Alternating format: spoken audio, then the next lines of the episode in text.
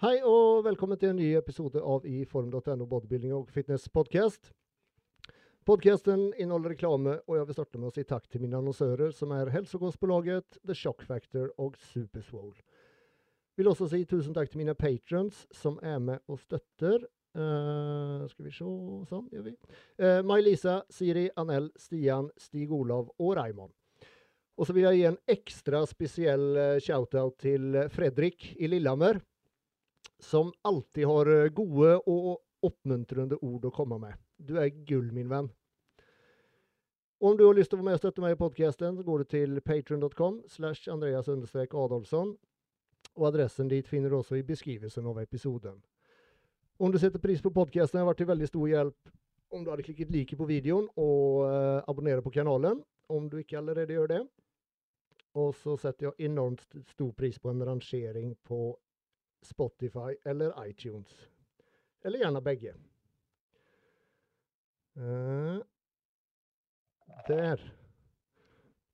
Sånn.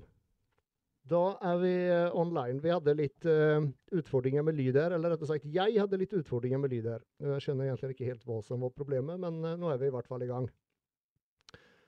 Heidi, vi starter med deg igjen. Fy, fy faen, altså! Ja, fy faen. Det var sjukt artig. Og du som, hadde, du som, ikke hadde tenkt å stille? Nei. Du, du, var ikke, du, var ikke, god nok? Nei.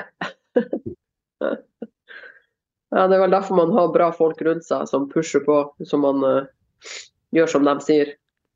Men nå, nå når, du ser, eh, når, du ser, på bilder fra konkurransen, og du har sikkert sett litt video eller sånne ting også, hva tenker du da? Altså, ser forbedringspotensialet. Det, det, er bare sånn jeg er.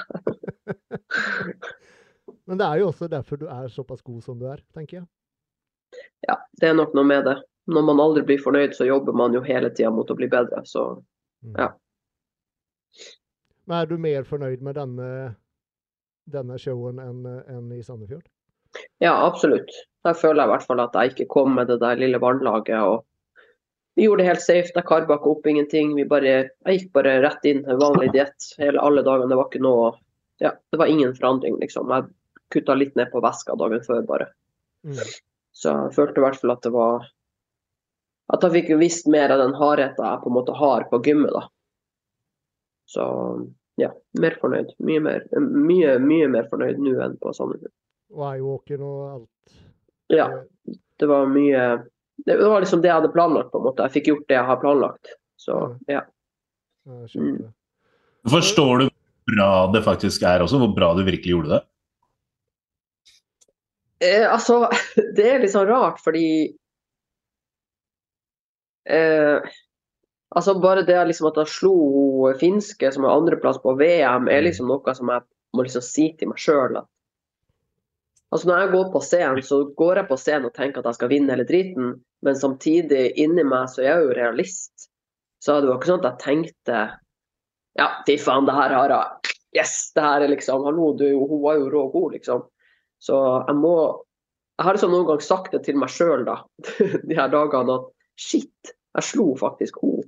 Så ja, jeg tror ikke jeg helt egentlig eh, jeg ser ikke meg sjøl, i hvert fall med, med, Jeg ser på meg sjøl med andre øyne enn hvordan det egentlig ser ut, tror jeg. Du kan se på hun da, og tenke hvilke øyne du ser på Henrikka med, og tenke hvilke plasseringer hun har fått med andreplass i VM og herjer der hun er med. Ja, sant. Og så imponert som du kan være av hun, så kan du tenke deg at du slo henne. Ja. Så da ja, det er sjukt. Det mye. Det er sjukt. Jeg syns det var klart òg. Jeg syns det var stor forskjell. Ja, det er mange som sier det, så da blir jeg i hvert fall sånn Herregud, sjukt. Jeg hørte forresten på streamen at dere sa at jeg hadde legger, og det hadde ikke hun. Og, og faktisk, så i sånne, sånne situasjoner, da, så den looken bakfra blir bedre fordi man faktisk har legger. Det, det, var et veldig godt eksempel akkurat der. at Der utgjorde det veldig mye med helhetsinntrykket av fysikken også. Mm. Så så der kom det på en måte veldig godt fram. Og så I tillegg så har jo Henrikka har jo, kan man si, hun har ikke bein i forhold til overkroppen, om det blir riktig å si det sånn. Ja, hun mangler i hvert fall, hun mangler, i hvert fall bakfra, liksom. Så Ja. ja. Så det kom jo, på hun kom det på en måte veldig godt fram. ja. Eller, jag skulle ikke si at hun, hun, mangler så mye, hun er bare veldig ujevn i fysikken. Og så just hardheten som Heidi sier, bakfra. Det, Mm. det var stor forskjell. Just hamstrings, rumpe, de tingene Mm. der. Mm. Uh, og så er hun hun er skikkelig massiv i overkroppen. Mm. Neste, så er det noe med at man blir avslørt da, når det er noen som står som en bære ved siden av. Så ser man det ekstra godt. Yes, nettopp. ja. Det Altså, jeg- Jeg var egentlig aldri i tvil i det hele tatt at, eh, at Heidi skulle ta den når dere kom på scenen. Hadde ikke jeg sett i livestream, så skulle jeg sagt at det var ikke jeg heller. Nei, Ja, det var veldig artig. Herregud. Mm. det er gøy. Veldig. Ellers andre inntrykk av uh, Norway Classic?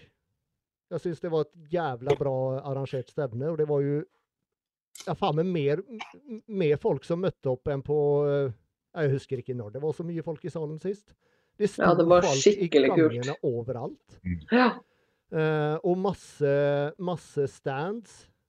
Ehm, ja, det føltes som en ordentlig sånn uh, fitness-weekend, eller, eller hva man skal kalle det. Mm. Det Jeg skulle til å si det. Jeg synes det var eh, Selve arrangementet i seg selv var eh, Jeg synes var utrolig bra stevne. Og mm, det hørte jeg fra alle de finske utøverne også, var superimponert over hele arrangementet og dritfornøyde. Så mm, jeg, synes, jeg, jeg var strålende fornøyd med, med hele opplegget. Eh, klart minus med backstagen, at det var så varmt og lite og sånne ting, kunne absolutt vært noe bedre. Men det er liksom Sånn vil det være fra tid til annen. Men selve arrangementet i seg selv og det, det forbundet på en måte kunne påvirke og bestemme og styre og sånt, syns jeg har vært utrolig bra. Mm. Mm. Jeg var aldri backstage. Hvor litet var det egentlig? Det skal du være glad for. Mm. Ja, du, måtte jo, du måtte jo flytte på det hele tida, for folk sto jo varme opp og Det var, eh, det var størrelsen av scenen kanskje ganger to. Ja, og så var jo greia at når vi var og så på det, jeg og Monica, så var det et helt annet rom som vi egentlig skulle ha som backstage. Okay. Så til og med når jeg kom ned der, så spurte jeg en fyr sånn jeg bare, eh, Hvor er backstage? Og han bare eh, Det er her. Fordi jeg hadde jo vært der og sett, og da var det egentlig et helt annet rom som var der i nærheten av tegninga, Mm. som vi egentlig skulle være på. Sånn at eh, det har jo blitt litt endringer underveis her som på en måte egentlig ikke har vært planen. Men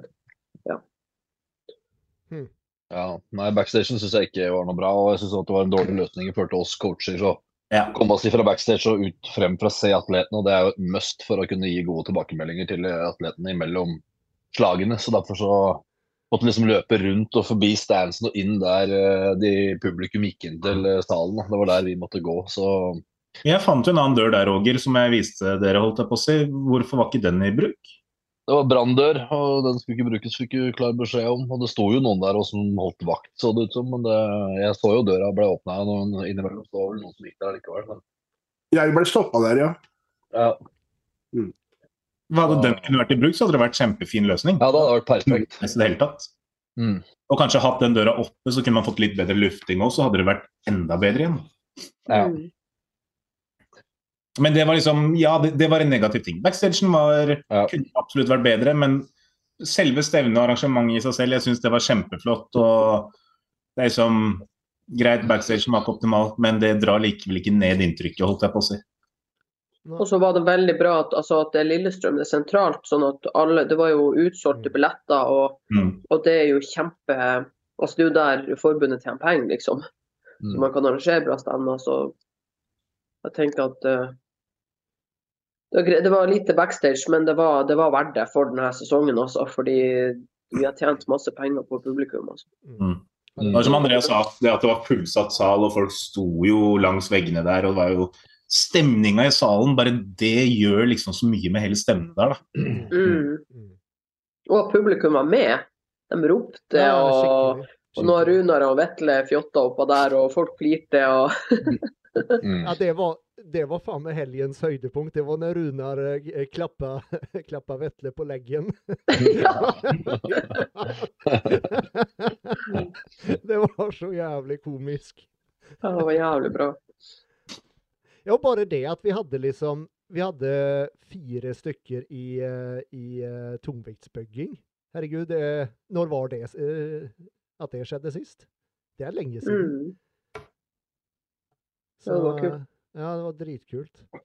Og Roger, må jo gratulere deg med Var det tre EM-plasser? Eller fire? Tre? Tre, ja. Det er jo helt tre, tre førsteplasser og to andreplasser og andreplass i overallen i men's musikk. Og så tre som ble tatt til landslaget, og to av de som reiser. Men uh, Petter som vant junior eh, og tok andreplassen i pluss 182, han uh, valgte å ikke fortsette sesongen. Han var sliten og lei og føler for å heller bygge litt mer og komme enda sterkere tilbake. da. Ja, veldig forståelig. Han, Han, var, han var debutant nå?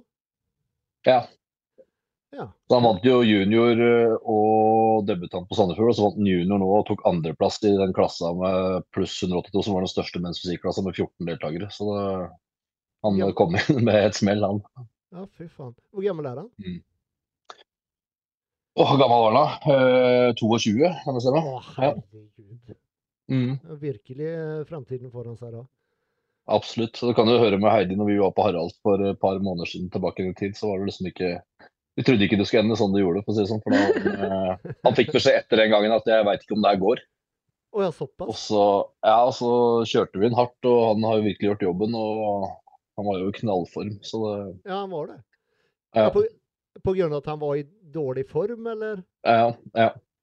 Han hang litt etter. Han hang litt etter, han gjorde det. Og så ble han jo den som kanskje ble sterkest av alle atletene mine. Så det var litt morsomt. Det var litt eh, artig med Vebjørn òg, som vant eh, beste posør. Ja, det syns jeg var Og det var kjempekult. Han er jo Det var velfortjent. Ja, Ja. ja, jeg syns han var det i Sandefjord også. eh, Men eh, det, det så enda bedre ut nå, for formen var hakket bedre. og Ja. Ting klaffa hakket bedre. og det er klart Da ser jo alt litt bedre ut. og, og I tillegg så når han har kjørt gjennom det han skal gjøre på Sandefjord, så sitter det hakket bedre nå på, på Norway Classic i tillegg. Så Mm, gjennomføringen hans var jo knallbra. så Det var det. Og, og vi hadde jo en målsetning om å kanskje få denne EM-plassen i Games Classic, da, som han eh, skal stille i. Så det, han kjører eh, hardt og, og på videre og blir eh, Målet er å få eh, enda bedre i form. Og så får vi håpe at han eh, klarer å slå fra seg på, på eh, EM med holdt på å si likesinnede. Nå møter han jo ikke folk som er eh, en halvmeter høyere enn seg, ikke sant. Så det vil hjelpe litt. Ja, ja, eh, uten tvil. Men, eh, men han må bli mye hardere, framfor alt i beina. Ja, og det, det har vært greia hans hver gang. For han har jo faen ikke mer fett å ta på overkroppen eh, hver gang Nei. han har stilt, men beina henger litt etter. Og han er ung, ikke sant. Og uh, så er det litt genetisk da, i tillegg. Og så er han uh, ung og den modenheten som vi har, da, den har jo ikke han i muskulaturen ennå heller. Så det er liksom litt der og kanskje. Så, men vi kjører hardt, og målet er å få ned en kilo, kilo og halvannen, tenker jeg. Så og siden han Det, ikke har det er uvant litt, for han er veldig god i beina. Og mange som er gode Ja. i beina, bruker dårlige beina også, så det er litt rart i forhold til overkroppen. Ja, det er det. Han har veldig bra bein. Så det, og han er jo jævlig glad i å trene beina. Så det, er jo det er litt naturlig med at han kanskje er, det er en veldig sterk muskelgruppe. da. Og så var det veldig gøy at han, ble, han fikk jo en anerkjennelse av idrettshøgskolen også, der han er masterstudent. Da. De la jo ut på Instagrammen sin uh, bilde av han og gratulerte med crossbygging, er, eller EM-plass i crossbygging. Og det er liksom det er gøy, da, for det er jo ikke, kanskje ikke den idretten de fronter mest på idrettshøyskolen. Så det syns jeg var litt morsomt. Ikke sant. Mm. Ikke Mm. sant. Han er en jævla fin kar, og det er det som er Ja. Han er tvers igjennom en god gutt. Så det, jeg synes at det, det øyeblikket når, de, når jeg så han kom til å vinne der, når de ropte opp andreplassen, da Det var morsomt. Mm. Ja, så fikk Mm. han litt revansj fra, fra Sandefjord også. Mm. Han gjorde det. Mm. Så det smakte godt. Så han hadde jo, han hadde jo reist for lengst. Han var der Elise ringte meg og spurte hvor er Vebjørn. Og så bare nei, han har dratt igjen, han. Så er han ikke ferdig? Nei, han er ikke ferdig. Jeg bare, hva da? Nei, han får beste poser. Og da var han i Oslo, så han bare kastet seg i bilen og kjørte tilbake.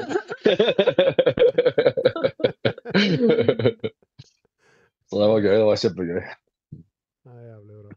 Bra, bra helg. Ja, ja uten Mm. tvil. Heidi, Det var et tøft øyeblikk der, syns jeg, og det når Lasse var på scenen. Det Ja. var, Ja, absolutt. Mm. da, eh, da rant et par tårer, det rant et par tårer fra meg altså, når han kjørte på scenen sitt. Det var, det var mye Den musikken han hadde. Tårarna kom direkte på meg. Samme som i Sandefjord. Satt der og Faen, altså. Begynner å bli gamle og følsomme. Ja, jeg har egentlig alltid vært sånn. Ja. Ja. Men just det där, det är den, den historien bak, liksom varför han stiller og alt dette. Og så da når han, han vant både i Sandefjord, og nå vant han også her, ikke sant? Eh, ja, det var sterkt å se. Mm. Og så, jeg syns han hadde bra poseringsprogram òg. Så Jeg husker ikke engang, for jeg sleit mer med å holde maska. jeg bare husker at jeg, bare husker at jeg ble jævlig rørt, og at jeg syntes det var bra poseringsprogram. Så Mm. ja, det var gøy å se. Så var det jo kult å se eh, Ossi, da. Ja, Må jeg skryte litt av, for det, fra han stilte til scenen til nå, så har det skjedd eh, litt. Grann. fy faen. Den Ja, Marius satt jo liksom og skravla der, da, men Mm. eh, just som jeg sa til Marius, den ramma som han har, den er vanskelig å slå, altså. Mm. Han, han har den smale jævla midja, og så det, det perfekte Ja. vaskebrettet. Det eneste, om man skal sette noe på fysikken hans, det er det avrivne brystet. Men det er liksom Resten av fysikken er så sinnssykt bra, så det, liksom, det har ikke noe å si. Han har forbedra seg kraftig siden sist. Ja. Ja, han var jo, han var jo stilt i NAF Plio når vi var der.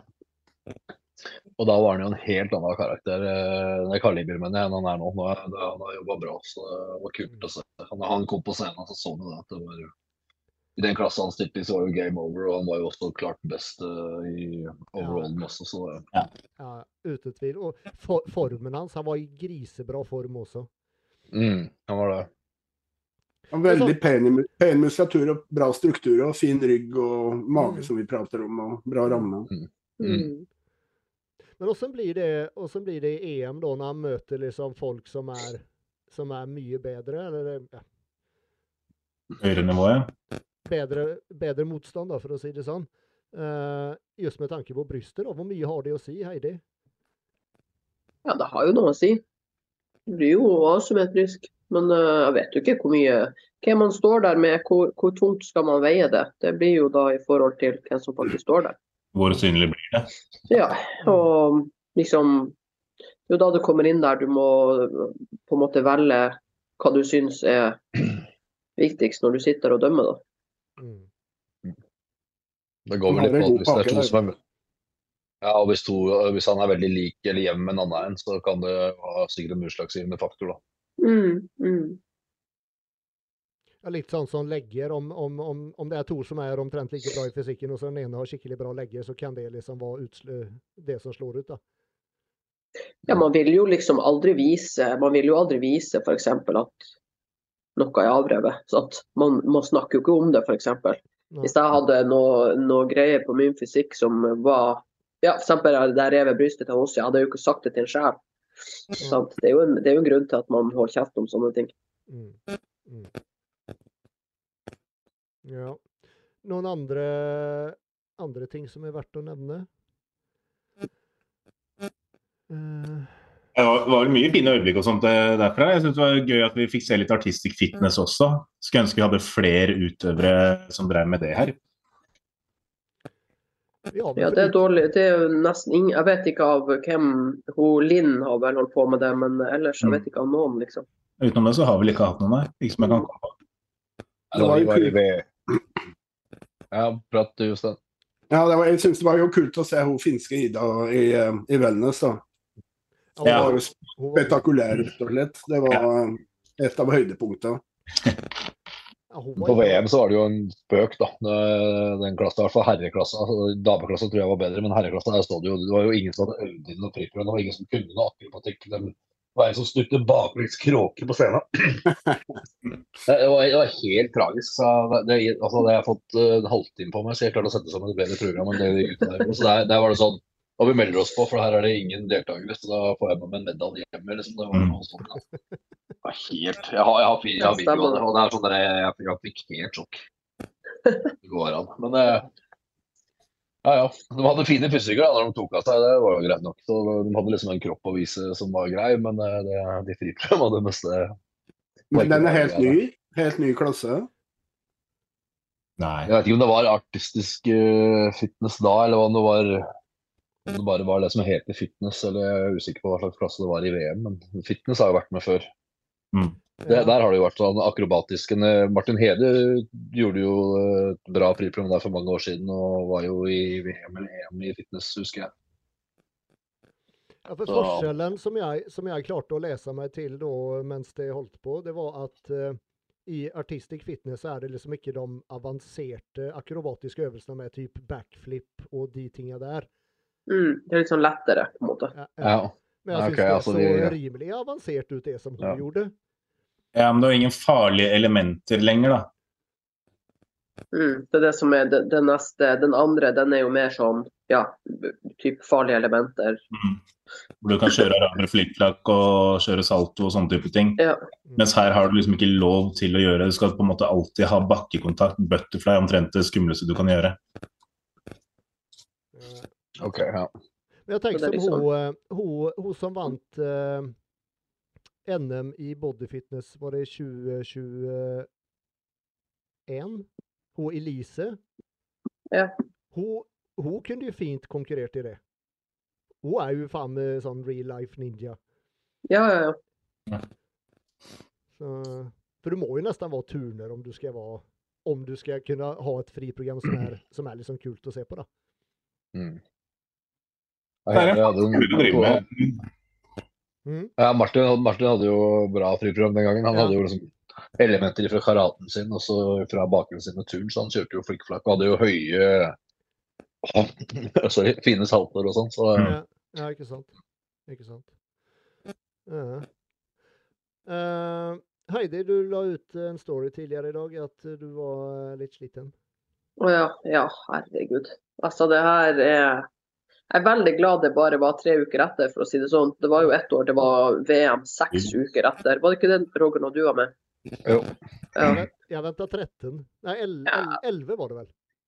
Altså, Mhm. det er selvfølgelig, da kan, Man kan jo gå opp på maten igjen. Jeg har jo gått opp denne uka. Jeg har jo gått opp på kaloriene denne uka. Mm.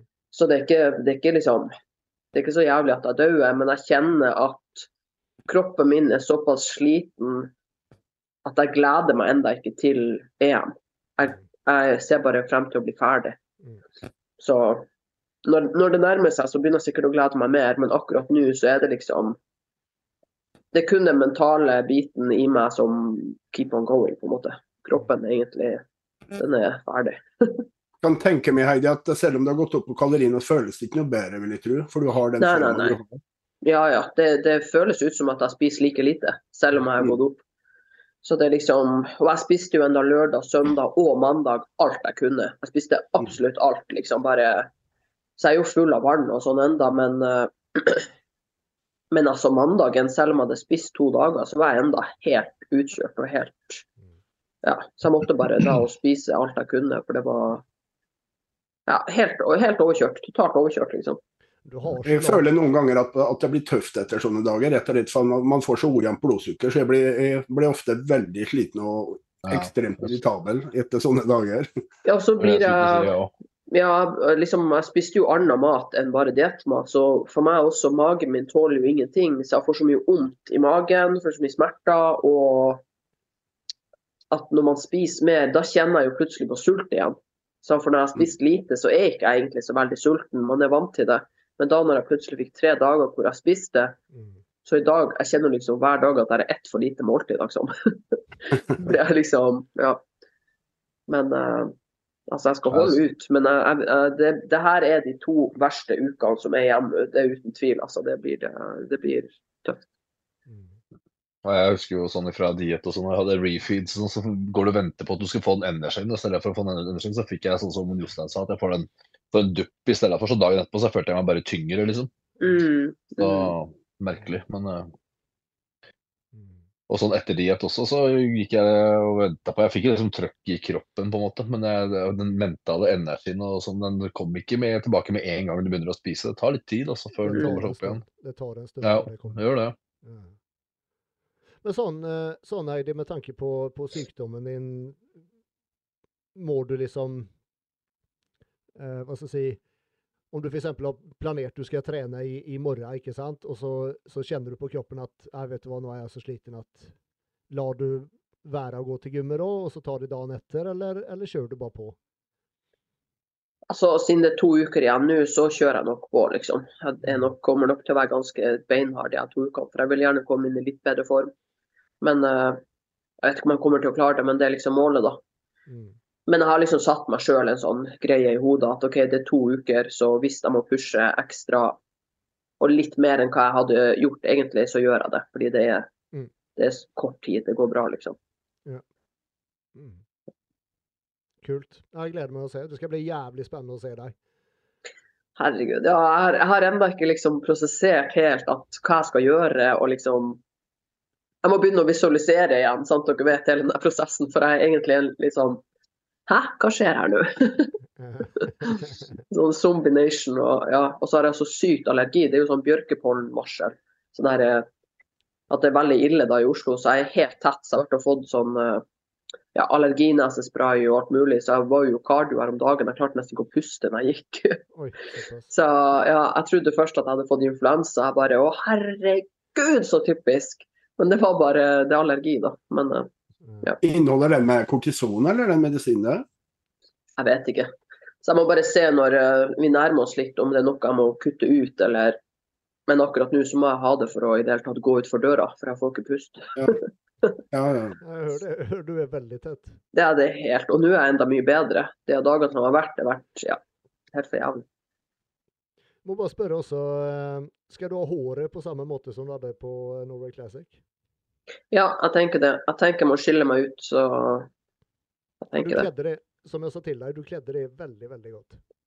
Ja, og så er det også litt i den masterklassen nå. Jeg ser veldig ung ut. Så jeg tror det er litt sånn godt triks. For jeg ser jo ut som venninna mi bare Ser ut som du er 22 år! Jeg bare ja, bra. Pass i masterklassen da. For det er liksom litt sånn søt uh, yngre look, liksom. Er ikke det positivt? Ja, ja, ja, ja sånn, ja. Ja, Ja, ja, det er jo positivt. Herregud, jeg kobler ikke. Uh, All right. Har dere forresten eh, fått med dere Haftor? At han rev av brystet? Mm. ja. Jeg har ikke fått det med. Hva Jeg så skjedde? bilde av det. ja. Ja, bildet. Jeg skal vise en video med lyd. Det er helt jævlig. Ja, fy faen. Jeg vet ikke om jeg orker å se, altså. Ja, fy faen. Den er helt grusom. Jeg skal spare den litt. Men han eh, Ut fra hva jeg har så skal han jo tydeligvis gjøre litt comeback og prøve å slå Eller han, han skulle i hvert fall prøve å slå verdensrekorden i var det styrkeløft. Sånn, sånn totalt sett, da. Så han har jo liksom økt jævlig mye nå på kort tid. Så i hvert fall så skulle han eh, 2,52 han hadde på, tror jeg. Ja, 2,52,5. Utstyrsfritt, sikkert. ja. Uh, ut, ja, uten utstyr. Skal vi se. Jeg skal ta og dele skjermen min her. Eh, share screen. Og så gjør vi sånn. Share sound. Der. Og så må vi bare dele her også. Skal vi se, der. Eh, eh. Hør, hør her nå. det, det er helt Det har grusomt. Vondt i meg lenge før du starter, vet du. Nei, jeg klarer ikke å se på det.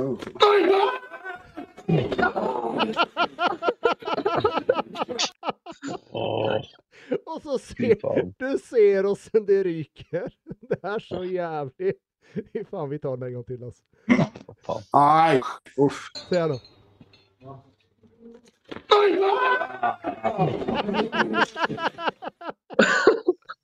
At du finner det så herlig?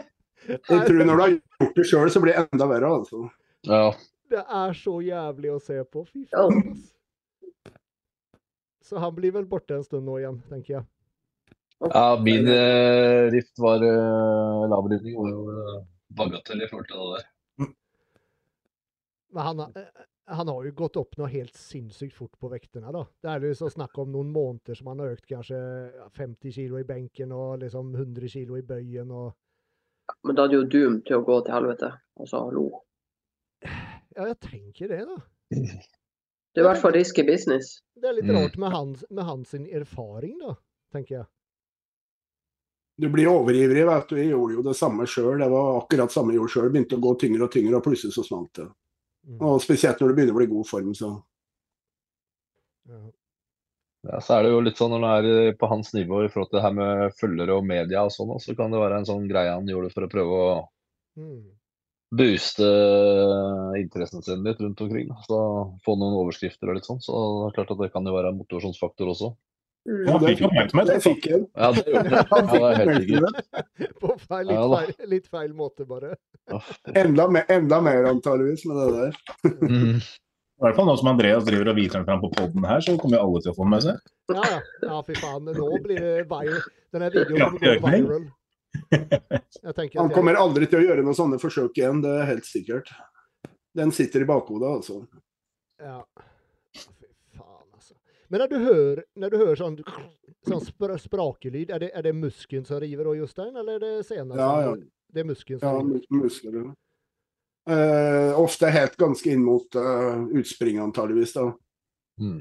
Hva, er, är, är, det, er, det verre enn å ryke sena? Eller hva är, vad er verste skaden, på en måte? Ja, det er vel verst med sena, vel. Ja. Det tar lengre tid. Men nå han vel får, han får vel operert på igjen, vil jeg tro. Ja, kan du operere sammen selve muskelen nå, på en måte? Ja, jeg vet ikke om det går an, om det er hvordan det er, om det er sena de bruker å feste i, eller hva det er for noe. Ja, jag kanske Det kommer an på hva som ryker, er men det ja, det kommer an på hva som har ryket i, og i hvilken grad, og hvordan det går utover funksjonen. sånn. I Norge så er det i hvert fall sånn, men det er klart at er han, eh, om ikke han hadde fått like før gjort dette offentlig i sitt land, så gjør han vel dette privat, tenker jeg. Det har jo en del av det betyr for karrieren hans. da. Ja, ja, ikke sant. Så Men som han, eh, han eh, Ole Kristian, han røyk brystet sitt, reiv han muskelen eller reiv han sena? Jeg vet ikke. ja, virkelig. Men her i Norge så skal det litt til å få gjort om, også, altså, eller få operasjon. Jeg husker en på gymmet blant annet som spurte om det. Jostein Klemstad han bomma jo på 2,40 nei 2,50 var det. vel. Mm. Han tok brystet, han fikk ikke operert det. Men uh, jeg hadde en politimann på, på benken en dag, og han, eh, han hadde tatt brystet og han fikk operert det. Men det var i slåsskamp, faktisk. Mm. I, I jobb da, tenker jeg. ja, så det var i forbindelse med jobb, og Ja. derfor så fikk han operert det. Det skal jo helst opereres ganske fort. Mm. Ja, for du, så det vil si at du får det bare dekket om, om på en måte du er avhengig av det som, som i jobb da for han politimannen? Uh... Hvis du tar biceps, så får du gjort det, men uh, bryst det er jo ikke nødvendig. Du så Tommy også, han tok jo brystet, men han kjører jo benk for det, tror jeg. ja. Det er litt rart, for det er jo det er jo veldig sånn eh, hva skal jeg si, kosmetisk, da. Ja, men det driter de i, vet du. Det er mest produktiviteten. Du kan jo på en måte bruke brystmuskulatur likevel, så Men hva med biceps, da? Har den så jævla mye å si med produktivitet? Sånn om, Ja. du, bare, om du bare ryker den Da kan du ikke løfte, løfte opp i det hele tatt, vet du. Ja, Hva om du bare ryker den ene, da? Ene hodet. Jeg er usikker. Spørre Lasse, da, for han har jo ryket i bicepsen sin. Ja. Han, han, han funker jo fint i dagliglivet, han, holdt jeg på å si. Ja, men du ser jo musklene hans er jo Ja, ja. altså, han, Kulen hans stopper jo her, liksom. Og så går Ja, ja. han.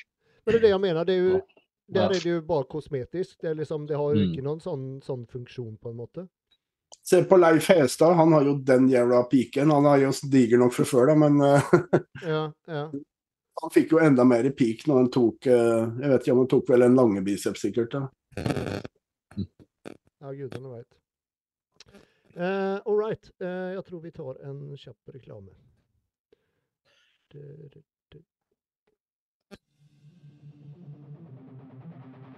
The Shock Factor er et norsk treningsklesmerke og har igjen kommet med en ny kolleksjon som heter Graphic.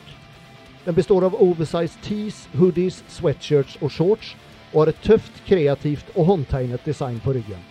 Tøyet funker like bra som pumpcover på gymmet som casual wear på fritiden. Og om du bruker kode GYMBROS så får du 10% avslag på prisen. I tillegg har de også sin utvidede performance-kolleksjon med både dame- og herretøy, samt oversized og lifestyle-kolleksjonene. Så om du er ute etter treningstøy med høy kvalitet og tøff design, som er deilig å ha på seg og som sitter som det skal, så bør du ta en tur innom theshockfactor.com, der du kan bruke kode GYMBROS for 10% avslag på prisen.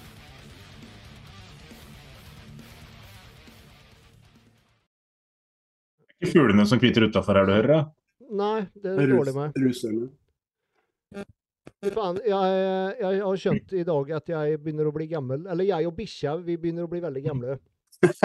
Jeg har liksom, jeg har liksom fra, fra for, for hvert år fram til nå så, så takler jeg varmen dårligere og dårligere. Og i stad var ute og gikk med bikkja, og han, han bare lusa fram sånn supersakte, og jeg svetter som en gris. Og jeg bare kjenner at jeg bare gruer meg til sommeren, ja. Å gud, jeg gleder meg. Ah, fy faen, ass. Jeg syns det er mer enn nok varmt allerede.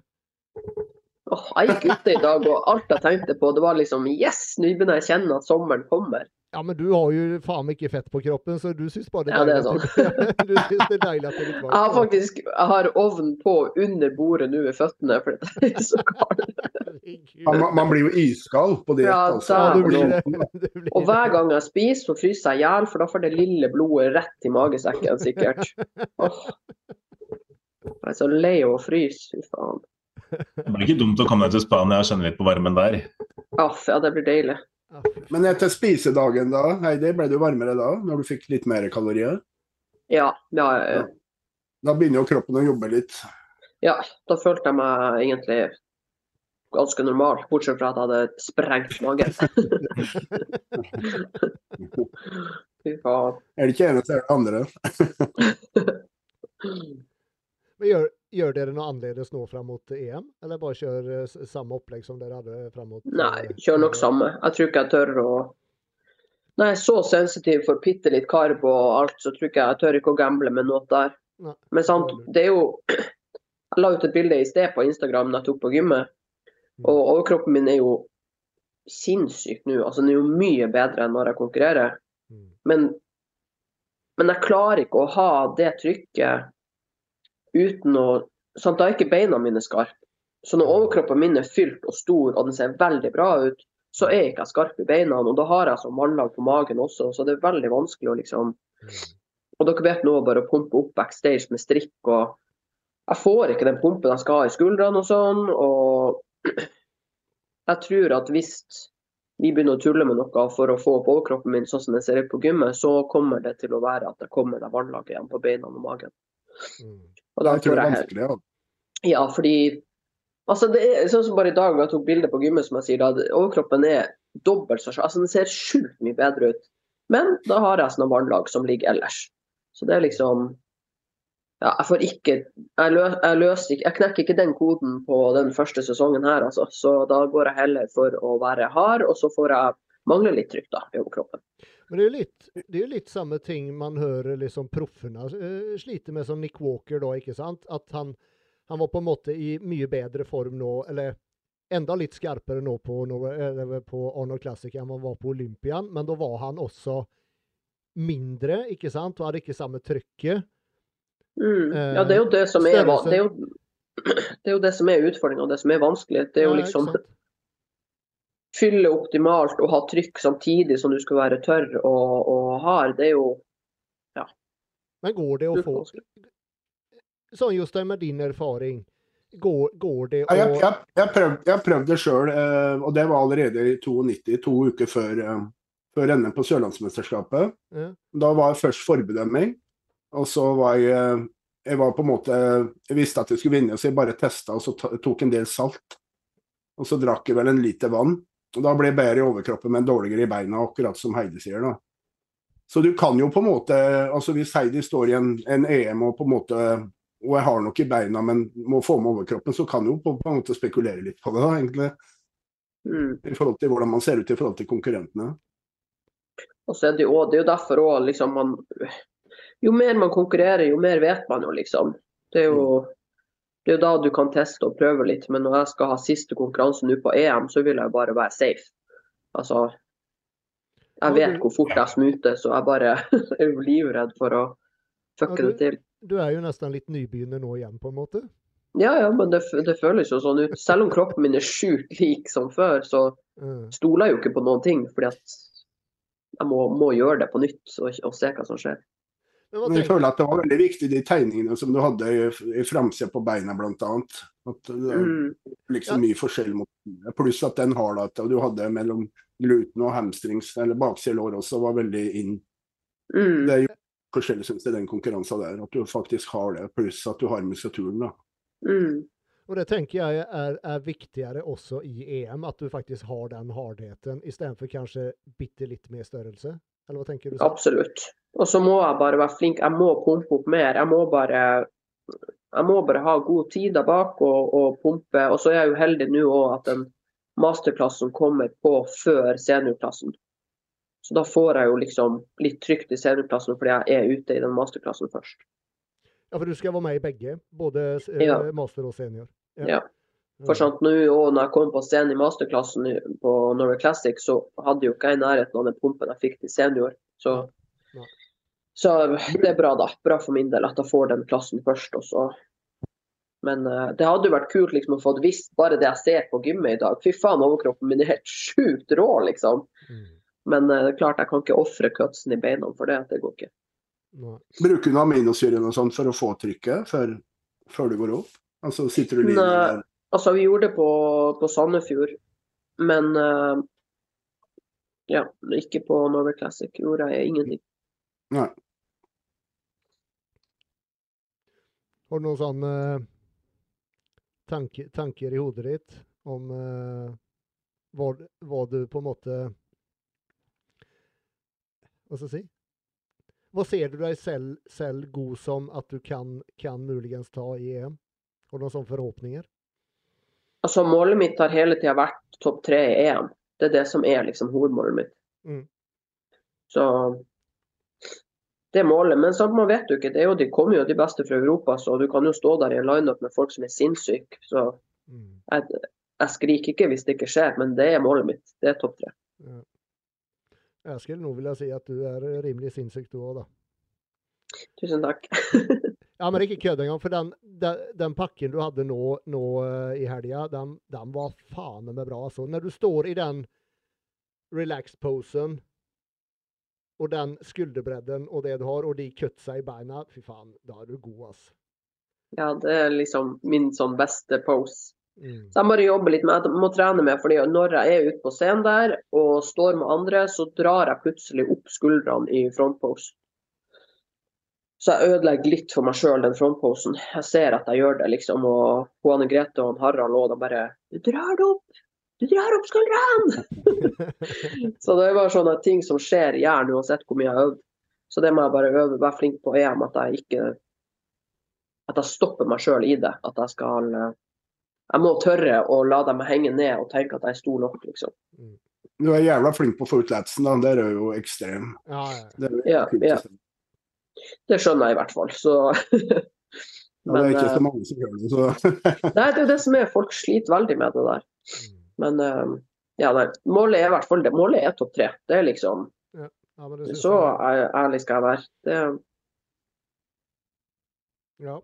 Nei, nå må vi slutte å skryte av Heidi her, for ellers så kanskje hun blir høy på seg selv her.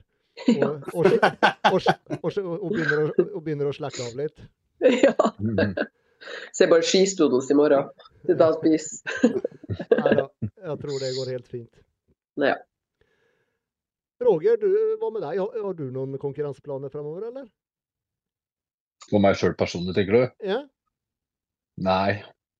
Det er fortsatt eh, sånn som det har vært, at du må, må komme i land, land med masteroppgaven min og sånn først. Så det blir liksom det å det å jobbe og coaching, og så er det å jobbe sakte, men sikkert og se hva som skjer. Da. Men eh, jeg føler meg jo ikke ferdig. Jeg har jo lyst til å, lyst til å stå på scenen igjen.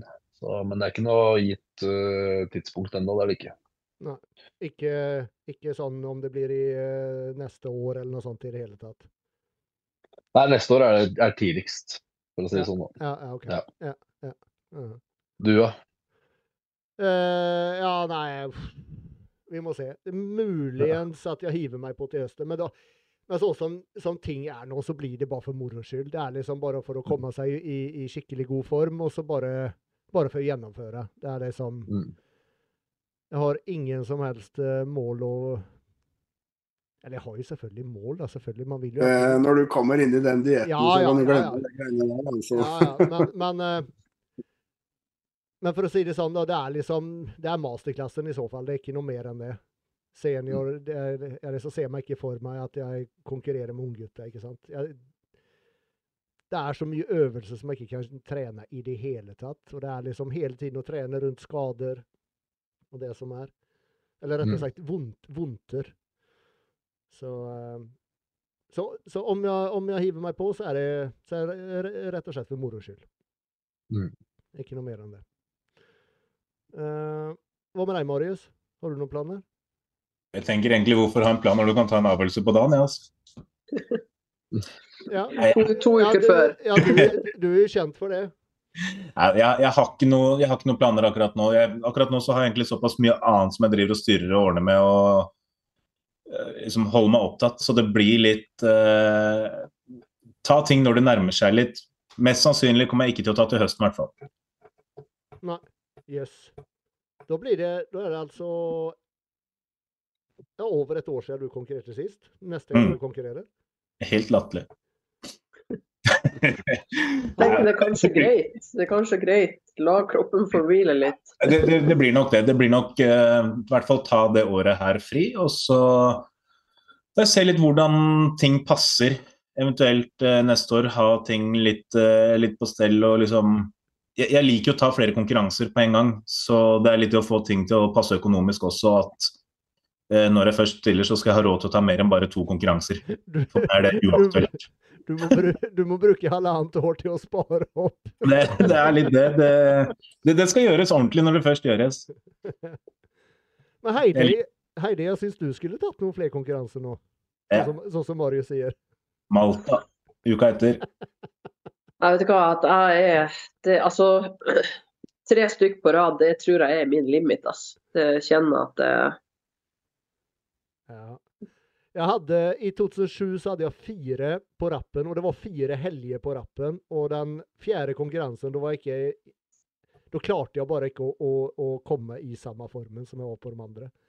Det var kropp, Kroppen og hodet bare sa stopp. Jeg bare, bare jeg orker ikke. Altså, sånn For min del, og nå når jeg skal til EM, så er jo det det viktigste. Det har vært hovedmålet hele tida, og det viktigste stevnet. Så derfor har ikke jeg heller lyst til å f.eks. pike innimellom der. Er- er Jeg vil bare nå Hadde det vært et lite stevne, OK, kanskje, men eh, det er liksom det viktigste stevnet jeg skal gjøre nå, så da må må jeg prøve å liksom legge til rette for at ja, at, du, at jeg klarer å gjøre det best mulig. Jeg ser den. Jeg avbrøt Mm. deg, Marius. Du var på vei å si noe mer angående Malta og et eller annet, tror jeg. Nei, Han sa bare at, han, at jeg burde ta Malta, var det ikke det du sa? Ja, det, det sa jeg også. Burde absolutt gjort det. En fin avslutning etter EM. Ja, det er bare Kan jo, Ja. du kan jo sponse, Marius. Ja. Hvorfor ikke? Har ikke noe å tape på det. Nei, jeg skulle si at skal, jeg- skal jeg kjøpe mange konkurranser, så skulle det vært mye penger i den potten, tror jeg. Skal jeg orke det. Ja, så er det jo, jeg har Jeg vil gjøre mye ut av det. Jeg liksom få mye opplevelser, få Det er litt av det. Altså, konkurransen i seg selv gir deg jo ikke noe. Du vinner ingenting. Så, så det er liksom Det går på din egen prestasjon og egen oppnåelse og liksom å teste deg sjøl og sånne ting. Så jeg syns mye av bonusen er litt selve reisen i seg selv. Opplevelsen. Det å reise rundt og møte ulike folk overalt og liksom oppleve masse nye ting, da. Men åssen faen orker du det når du Ja. er liksom sliten og jævlig fra det? Når jeg er på prep, det siste jeg har lyst til, det er å oppleve ting. Jeg vil bare, jeg vil bare helst bare ligge i sengen og bare vente på neste måltid. Men han er ikke som oss. Han er ikke som oss. Nei, det er helt sikkert. jeg kjenner litt på det motsatte, sånn, sånn som vi har, vi har snakket om før. De færreste her liker liksom å, å ta seg fri uka før konkurranse. De liker å holde seg opptatt. Det gir mer energi enn å ligge hjemme og liksom slappe av. Det blir du mer sliten av. Nei, Litt den samme greia kjenner jeg på der sånn at jo mer jeg holder meg opptatt, jo mer jeg har å styre med, jo mer jeg har å gjøre, og jo mer jeg holder hodet mitt opptatt med liksom planlegge og tenke på andre ting, jo mer energi skaper jeg også ut av det. Ja, Det er vel ikke så mye at vi skaper energi ut av det. Det er mer bare at du slipper å gå og tenke på at du er sulten. Mm. Og- Dagen går og- fortere. Ja, ja, nettopp. Tiden går fortere. Mm. Du skaper jo adrenalin også, da med det. Men altså, jeg skjønner jo at ikke Heidi gjør det med, med de andre utfordringene også. Det hadde jo gått krasj antageligvis, vil jeg tro. Men det, er jo sånn, hvis, hvis jeg skal, som Andreas sier, at hvis jeg skal oppleve noe, det sånn, når jeg er på diett, hvis jeg skal reise et sted for å konkurrere, så, så jeg får ikke med meg en drit. Jeg er ikke interessert i å prate med en kjeft. Jeg vil bare yes, jeg, Målet mitt er å stå på den scenen, og alt handler om det. Så ja, ja. Skal jeg jo reise rundt og møte mennesker og, og være sosial og, og oppleve noe, så må det liksom Da, var, da ble det ferien etter konkurransen, liksom. Det er jo det det er. Vi var, i, vi var i Ro- Ro- Roma på Ja. konkurranse. og Så kjørte vi forbi eh, masse sånn turistgreier. Som satt ved siden av. Å, faen, se der er den. Og jeg bare gidder faen ikke å se på det engang. Altså. Jeg hadde null interesse for det, og kun konkurranse. altså. Og da gidder jeg ikke prate med folk, da bare legger jeg meg bak der og fokuserer på det jeg skal gjøre. That's it. Ja. Det er kun konkurranser som teller noe for min Ja, del. ja, ja. Jeg, jeg kjenner jo kjenner veldig på den, sånn som vi har snakka om før. Altså, du, du, du er så sliten som du på en måte selv tillater deg å være også til tider. Så du, du klarer liksom å skape litt energi. Du klarer å være til stede selv om du er sliten, og så finner du liksom en tid hvor nå er jeg sosial, nå er jeg liksom glad og er rundt folk, og så får jeg heller gå på rommet etterpå, og da kan jeg liksom kjenne at jeg er død. Men du klarer liksom å skape den energien i stort sett hele tida. Men da, da må jeg spørre deg, Marius. Kjenner du noen ganger at nå er jeg helt død? Om, du- om, du skal være helt ærlig. Ja, det gjør jeg. Det gjør jeg absolutt. Du, Du husker det en gang? Ja, det, det var en gang i tida, jeg tror det var 92. da. Det var Gangen jeg tok blåvalium. Ja, da var jeg slått ut, faktisk. Jeg tok det en gang jeg var i Thailand og skulle ta tatovering. Jeg sona utenfor tatoveringsstudio i seks timer. Nei, det var, eh, nei, jeg har kjent på det, og jeg kjenner det veldig ofte etter konkurransene. Så når jeg Faen ikke rart som du holder på. det er sånn, bare sånn som nå også, uten å ha konkurrert. Og jeg kjenner etter stevnet, så er jeg, jeg er helt skutt. Eh, men jeg bruker liksom energien der og da, så klarer jeg liksom å fake det. Og så kommer jeg hjem, og ting er stille rundt meg, og du liksom får absorbert alle inntrykka. Da går du liksom i bakken. Men Jostein også påpekte jo det hele tida når vi var på reiser også, når jeg var på diett. Og så kommenterer han hele tida bare faen, jeg glemmer hele tida at du er på diett, for jeg merker ikke at du er sliten. Ja, det er helt Jeg tror for min del så var det på en måte at de går inn i det også såpass altså Det teller så mye å være i maksimal form. Altså Jeg kunne jo gått rundt og styre og prate med folk, på en måte, men jeg velger det bort. Rett og slett for at jeg vil heller ligge stille, ligge med beina høyt, fokusere på poseringsprogrammet. For min del så er det det det går på. altså At å få et best mulig resultat. Og det, det, er det er jo en slags motfaktor. Det, det er jo ikke optimalt, sånn som jeg på en måte gjør for min del heller. At du vil, kroppen vil nok ha bedre av å klare å ligge og, og slappe av, men jeg tror ikke hodet mitt klarer det. Så det blir to motpoler. Du på en måte må nesten velge litt hvem av de som skal trumfe, da.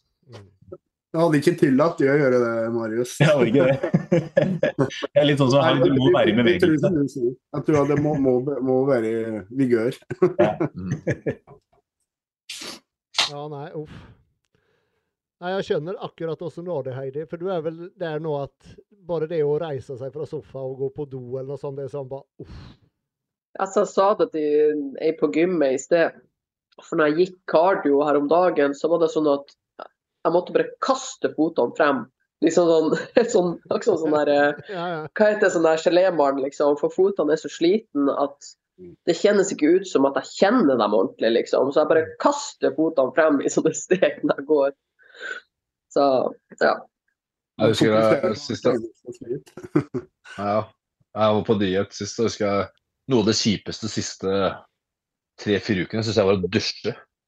Å herregud, så slitsomt det var å dusje. Ja, ja, og må Ja. dusje og tørke seg og kle av og på seg. Og, fy faen, for et styr.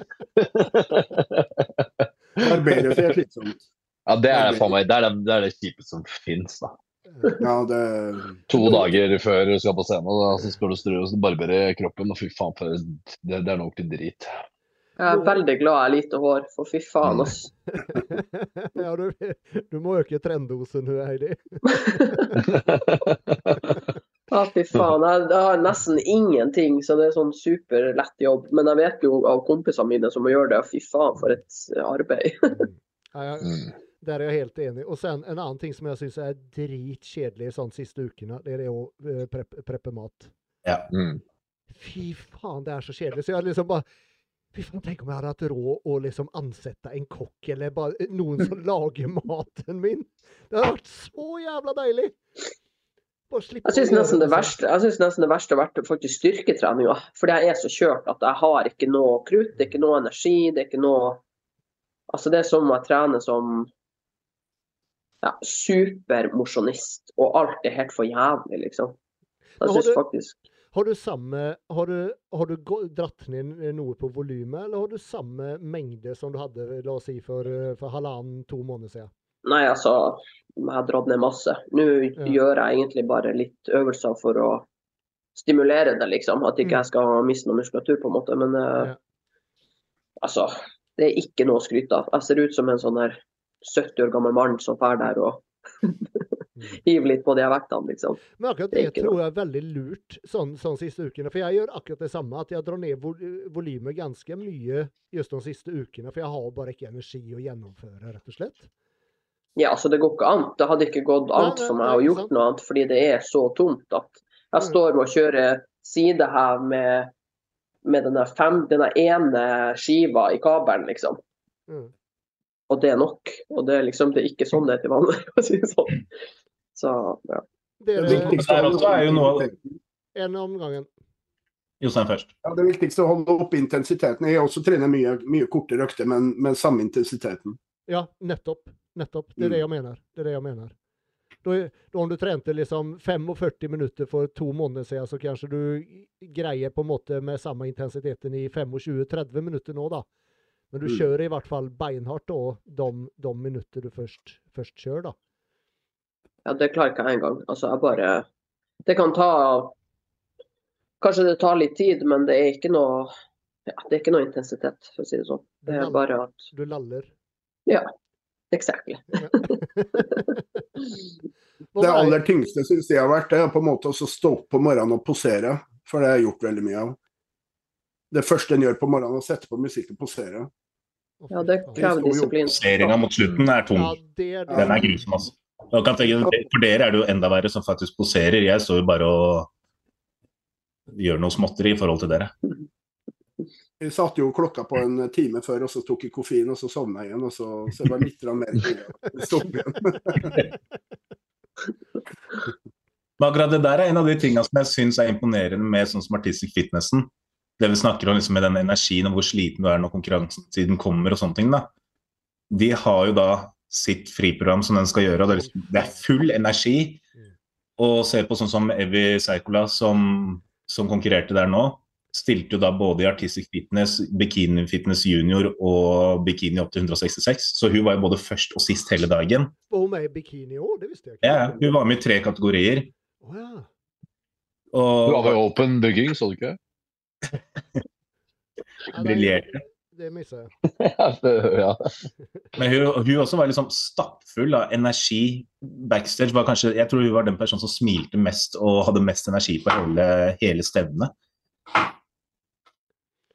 Og det, det, er liksom, det er så rått å se akkurat den biten. For mange kjenner jo på liksom det, det å være sliten backstage er jo, eller på konkurransedagene selv, er jo naturlig. Men så har du da sånn som Artistic Fitness, da, som virkelig skal de, de skal prestere med liksom et eh, akrobatisk opplegg i tillegg og virkelig stråle der oppe.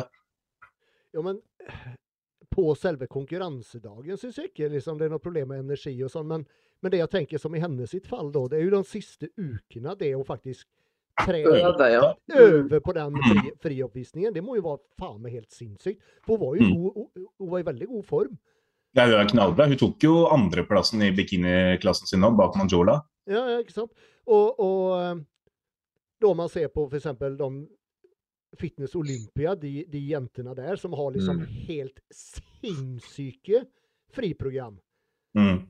Og er da i, i knallgod eh, god form, ikke sant? Og da kjører all, all den uh, treningen på friprogrammet som de gjør opp mot Mm.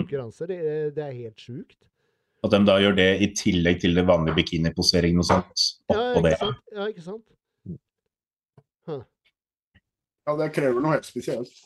Mm. Ja, ja det må gjøre det. jeg, jeg syns det er dritkult. Og sånn som ehm, hun ene Marika Hangisto også fra Finland, da, som også konkurrerer i samme kategori, både da i artistic fitness og bikinifitness, driver jo også konkurrerer i poledance ved siden av og instruerer i poledance og liksom driver kurs og sånt der, da.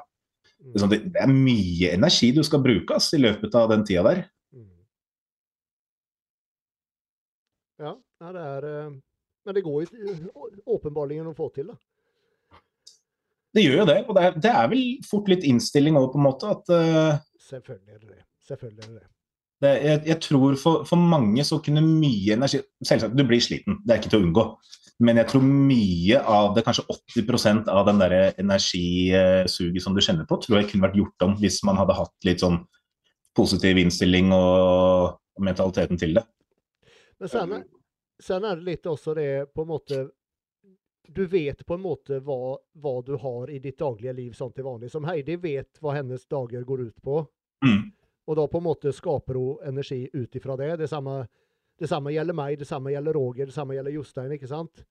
Eh, og, og som hun da, som hadde da både frioppvisning i, i eh, Artistic Fitness og hun skulle stille i Bikini Fitness. Hun vet på en måte, hun har hele tiden hatt det. Det er ikke sånn som, som om vi helt plutselig skulle få en, en, en At vi skulle hatt helt plutselig en frioppvisning i, i, i fitness. Da plutselig nå skulle pressa inn et Ja, program med det ja, der. ikke sant? Det hadde aldri gått. Men du har, du har på en måte du har hatt det hele tida. Så, så jeg tenker kost og, og, og allting er jo på en måte lagt opp ut ifra det, da. Mm. Hun ble innstilt på det. Ja.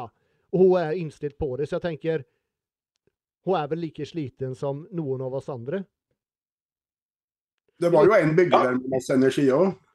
Hun, hun er nok Ja. sliten hun òg, men, men eh, hun har jo nå, nå kjenner jeg henne ganske godt fra før også. Og veit jo liksom hun, hun har mye av den positive innstillinga der, drar hun med seg hele veien. da. Mm. Så hun tillater ikke seg selv å være så sliten, hun heller. Så hun, hun altså, hva skal jeg si, Sammenlignet med mange andre som konkurrerer, så har du har sett mange utøvere som har gått rundt og liksom subba som zombier i Ja, ja. ja, ja. kanskje tre måneder allerede. Bare, "Faen, jeg er så sliten, og det er så. Faen, dette er fælt, altså. Så er det sånn herre Ja, greit, det er tungt, men mye av det kunne vært unngått ved å faktisk tenkt annerledes. Og de vet jo at de skal konkurrere i bikini, de òg. Likevel så går jo de rundt og liksom gneller på det. Ja, ja. Hun velger å være negativ, rett og slett. Jep. Der er jeg helt enig. Der er jeg helt enig. Det er, men, men det vil det alltid være. Det er alltid noen sytepaver og, absolutt. og, og noen som syns mer på, synd på seg selv enn hva, det egentlig er. Mm. Uh, og det er jo egentlig ikke synd på deg, for det, det er du selv som har valgt å gjøre dette. Det er ingen som har tvinget deg til det. Det er Mm. helt selvvalgt. Ja, det er det. Og selvfølgelig er det tungt, og noen dager er helt for jævlig, hvor du er eh, helt ødelagt og virkelig ikke orker eller har lyst. Mm. Og så har du noen dager hvor du er stappfull av energi og ikke kjenner på slitasjen i det hele tatt. Og sånn vil du liksom svinge. Men så er det litt det derre my, Mye av det kan du motvirke sjøl ved å innstille deg på at du skal ikke kjenne på at du er sliten og liksom gidde å følge på det. Peise på. Ja, hun ene jenta på gymmet i dag, hun sa det, for jeg var Jeg ser jo sliten ut, liksom. Så jeg sa bare jeg var så jævlig sliten og sånn, og klarer så vidt å gå og sånn. Hun bare ja, men hvordan klarer du å gjøre det du gjør, da? Sant, jeg trener jo, gjør cardio. Jeg bare Nei, det er bare det syken. psyken. Det er bare, Nei, men det er bare psyken. Det er bare Ja, men det er det. Det er det. Det er jo det som sant, skiller, at noen av oss klarer det og andre ikke. sant? Yes. Det er det Jostein pleier å si. Det er liksom Det er bare å bestemme seg, er det ikke det? Men se på sånn som Vetle. Vetle han har jo helt sinnssykt mye energi. Mm. Ja, det er helt utrolig. Ja, der, der babler det jo litt over, nesten. Der, da. Han er jo i Sverige nå og konkurrerer den helga her. Ja, han og, Mm. han og Runar. Mm. Så han la ut noen bilder i stad sammen med bl.a. Branch Warren. Det er, Ja, og McCain òg nå, var ikke han det? ja, Jo, ja, ja. Uh, det er på tal med, eller på tal om Runar. Jeg snakka med han for et par dager siden. Da hadde han fått uh, nytt uh, opplegg eller noe for uka, uka innenfor Sverige. da. Han var nede på, vad fan var det, 1500 kalorier i tre dager eller noe. Ja. Han, han liksom veier 180 kilo. Så det Ja. liksom- det var, det var Bømste da. Det er nettopp Ja, ja, ja. det Bømsted det, ikke sant? Så det er sånn. Det er ikke Men jeg mener då... da, Da du- sånn sett. litt som du sa Marius, da det bikinijenter da klager når de er nede på fem- 1400-1500 kalorier. liksom bare, Tenk om du veide dobbelt så mye og skulle ned Mm. på de kaloriene. Ja. Hvis vi snur om den kjapt, Andreas, bare sånn for å være innom det. La oss si f.eks. Jostein da, kjører sin diett eh, på 3000 kalorier. Og så hadde Heidi ligget på, på 1400 som en uh, før i tida liksom kjørt bikinifitness f.eks. Og så vil jo liksom typisk da, vil Heidi kunne si til Jostein at herregud, du er heldig som har 3000 kalorier, du har så mye og liksom så mye mat. Men Jostein går jo fortsatt ned i vekt på sine 3000 kalorier, så har han egentlig da så veldig mye mat. Han ligger jo tydeligvis opp i et underskudd. Han er jo like slik. Ja, det går jo på og- og like- og ja, ja. alt det, så Det er jo hva du er vant til og, alltid. Det spiller ingen rolle om noen ligger på 4000 og er i underskudd, eller om du ligger på 2000 og er i underskudd. Du er jo like sulten uansett. Mm. Kroppen, kroppen tilpasser seg jo. Det er jo det som er problemet for mange. At de, eh, Mm. Ja, de kan ligge altfor lavt, for at kroppen har tilpassa seg. Man kan ligge på 1000 kalorier, liksom. Ikke sant? For den har jeg hørt ganske ofte på de som liksom reagerer på at å herregud, de spiser så mye og de er så heldige. Så jeg sånn, ja, men Ja, det går jo fortsatt ned 800 gram i uka, da, så tydeligvis så er det et kraftig underskudd for den personen, det også. ikke sant. Mm. Ikke sant. Roger, jeg fikk aldri noe svar eh, av deg om du eh, drar ned på volumet siste ukene før konkurranse. Ja, det gjør jeg. Jeg drar ned på volumet. Prøver å holde vektene så like som mulig. Altså, Mm. klart helt på slutten så kjører han jo presser han seg ikke til failure og sånn i tillegg. da. Man er liksom innafor en kall det safe sone, da. Ja. Så, så men volumet går da automatisk ned eh, pga. energien. Og så Mm. holder man vektene oppe så godt som mulig. Mm. Mm. Man kjenner jo også at man blir mer sårbar da på slutten der. Mm, ja, man gjør det. Ja, ja. Skadene kommer lettere, altså. Og det er ikke bare for at kroppen eh, tåler mindre, da, men fokuset og sånn er jo ikke ofte ikke like på heller, så det er fort gjort å gjøre en liten slipp, da. Jeg vil tro at han er mer sårbar pga. at det er mindre, mindre fett i kroppen og mindre Mm. beskyttelse. Mm. Uten tvil. Eh, ja. Uh, skal vi se. Uh, vi tar en reklame, og så tenker jeg vi tar litt spørsmål etterpå. Jeg merker med en gang jeg er lavt, så har jeg vondt. Har du sjekket ut nyhetene til Superswole? Når de i tillegg til de humoristiske og selvironiske trykkene også kommet med skikkelig tøffe og kule motiv. Som du då kan få på eh, allt fra T-skjorta eller tanktoppen in til eh, kaffekoppen. Jeg skal ta og gå inn og vise litt her hva de har. Her har nettsida til Superswole, superswole.no.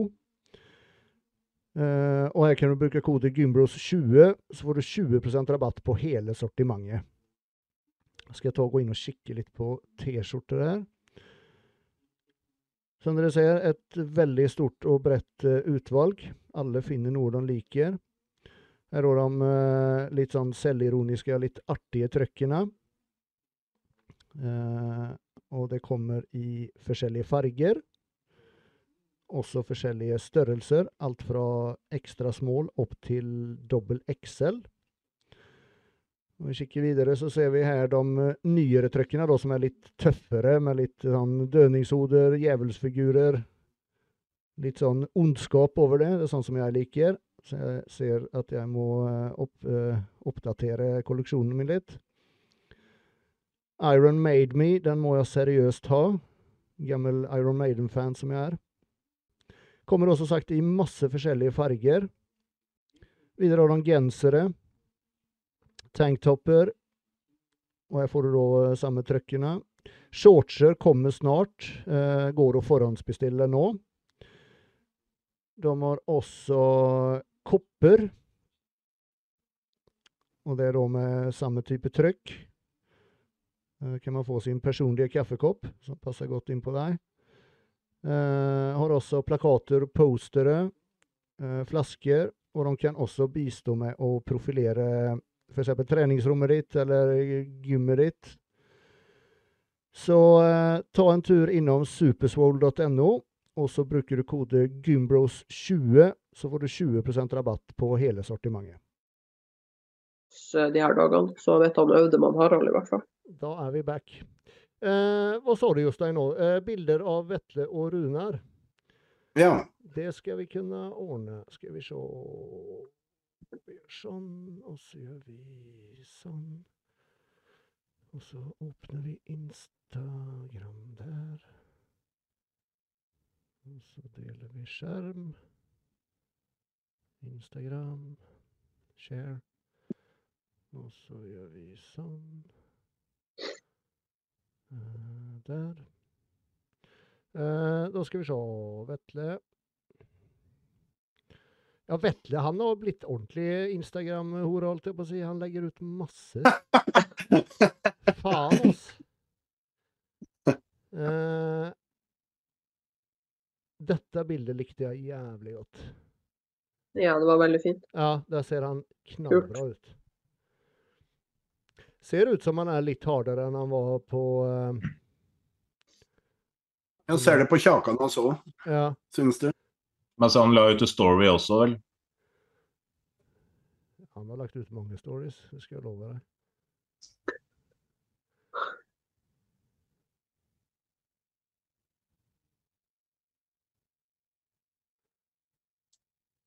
«105 kilo veide han inn på. Hvor mye veide han inn på eh, Norway Classic, noen som vet?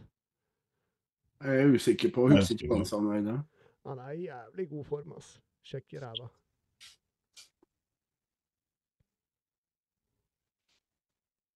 Få håpe han tar dobbel bicepsen annerledes på konkurransen han gjorde der. Men den, eh, den eh, ry ryggen hans er faen meg bra, altså. Den dobbel biceps. Der, ja. Det var bedre enn den i stad. Da dro han ikke ut. Eh, Han han er tjukk i ryggen, altså. Han fikk jo veldig mye hjelp av Nick Stormo også, han på poseringsprogrammet sitt til Norway Classic. OK. Nick Storma er jo ekstremt eh, fin og elegant i, i poseringene sine. Mm. Det var lett å se også at han har fått hjelp av Nick. Ja. Kjente igjen eh, trekvarten og Det som er så morsomt med Nico, er jo sånn vi snakka om når vi gikk gjennom han tidligere, var jo liksom du kan, velge, du kan velge musikken, og så bare kaster han seg på og treffer liksom perfekt til det hver eneste gang. her er fra Haralds. Ja, det bare går.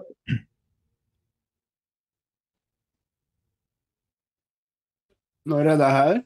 I I går, eller? eller? Mm. 105 kilo, det vil si han er 19 kilo tyngre enn han var i 2020. Det er sjukt, altså. Det er faen meg bra jobbet. Skjedde litt. Mhm. Du strammer rumpa altså. så Ja.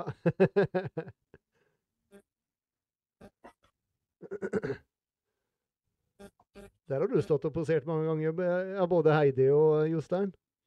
Ja. Blitt noen timer der.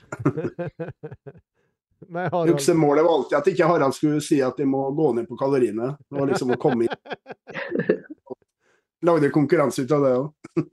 Ja.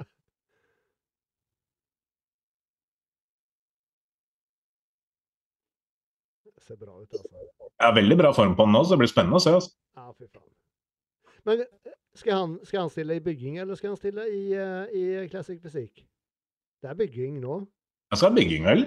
For Runar, Runar skulle stille i, eh, i Classic Fysikk. Ja, det var vel derfor han måtte ned på 108, vel. At han eh, Ja, ja, han måtte under 108 eller noe sånt. Det blir jævla kult å se han på den vekta. da. Ja.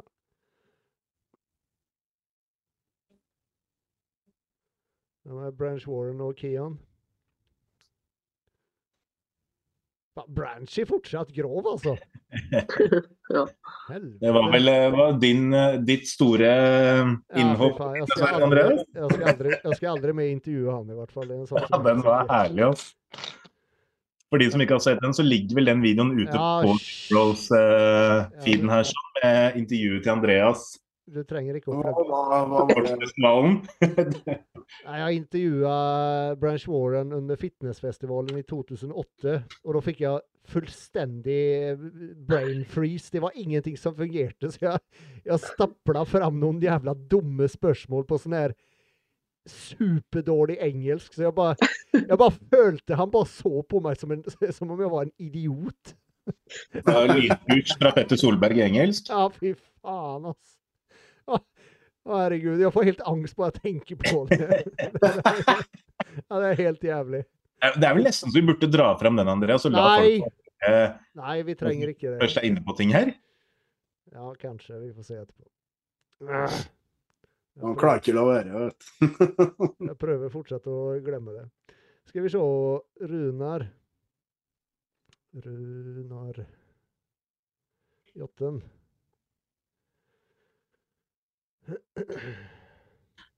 Han er ikke så mye Instagram-hore som eh, Vetle.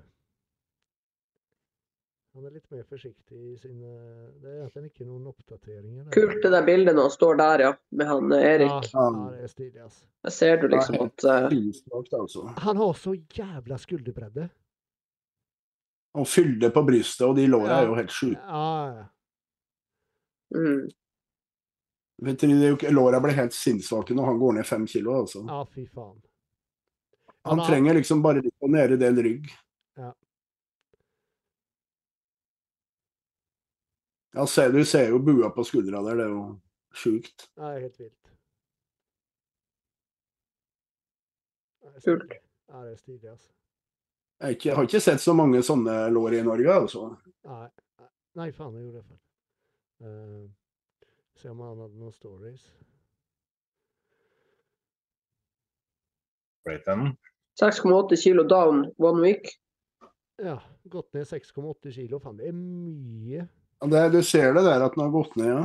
Mm. Mm.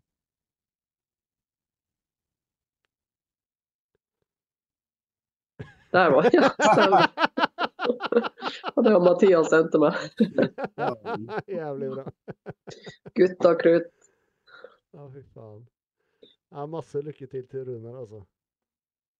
Og Vetle. Og Vetle, selvfølgelig. Uh, all right. Vi må ta litt spørsmål. Uh, jo Eller uh, skal vi se. Vi begynner med dette. Åssen er uh, energien, Heidi? Orker du en stund til, eller? Ja, det går bra. Så bra. Nesten bra å, å gjøre noe, som vi snakka om. Det, skje- Ja, ja, det skjer noe. sant? sant? Sitter med intravenøs Heidi nå. ja. Men da tar vi deg først, Heidi, for du har jo i vanlig ordning fått en masse spørsmål. Ja. Ja. Og det er igjen da, hvordan bli like rå som Heidi? Eller vi har egentlig to spørsmål. Vi har eh, et som er hvordan bli like rå som Heidi.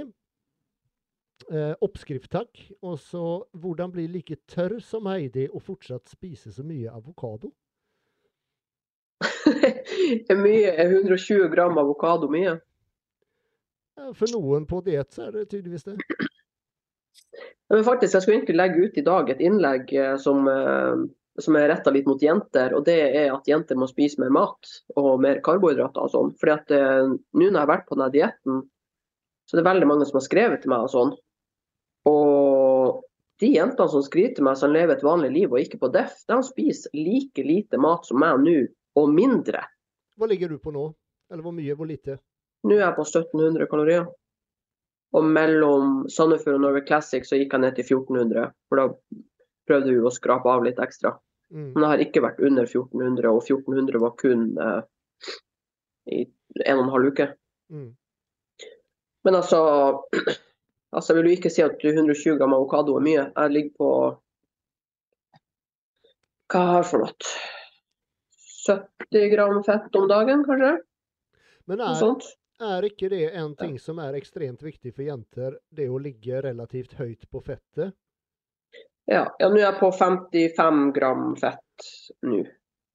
Jeg skal spise litt til. Jeg mener jeg så Men- noen, eh, noe han Hallafors la ut at uh, jenter på prepper ligger i hvert fall på var det ett gram per kilo kroppsvekt Mm. uh, med fett på, uh, på preppen. Mm, det er det jeg regner minimum på. Mm. Noe av fordelen din sikkert, Heidi, er at du spiser mye i offseason. At du har god forbrenning, vil jeg tro. Ja, og det er liksom det òg jeg tenkte Jeg skrev en sånn post klar som jeg tenkte jeg skulle poste, at uh, altså, jenter uh, er nødt til å spise mer mat. Fordi jeg skjønner ikke hvordan de tror at de skal klare å, å, å få en levende konkurransediett, og ikke minst komme i god form, når de allerede før dietten starter lever på 1700 kalorier. Mm. Det er der jeg ligger nå. Jeg skal konkurrere om to uker, liksom. Ja. Du er i Ja, og det- og- Og det gjelder gutter òg, skal jeg love deg. Og Mm. mange flere enn du tror ligger altfor lavt. Altså, Én ting er hva Mm. de skal leve med på diett og hvor lavt det må gå, men hva skjer opptisen da når du ikke fôrer kroppen din? Hvordan skal du klare å bygge en god fysikk? Mm. Jeg har skrevet i det der innlegget, så jeg har faktisk skrevet at altså jeg ser ut som jeg gjør på Deffen, men det, jeg ser jo sånn ut pga. alt jeg gjør offseason. Yes. Det er Deffen som har fått meg i form, men grunnen til at jeg har muskler Du kan ikke deffe frem noe du ikke har. Og grunnen til at jeg har muskler å vise frem på Deffen, er jo fordi jeg spiser nok mat offseason. Mm.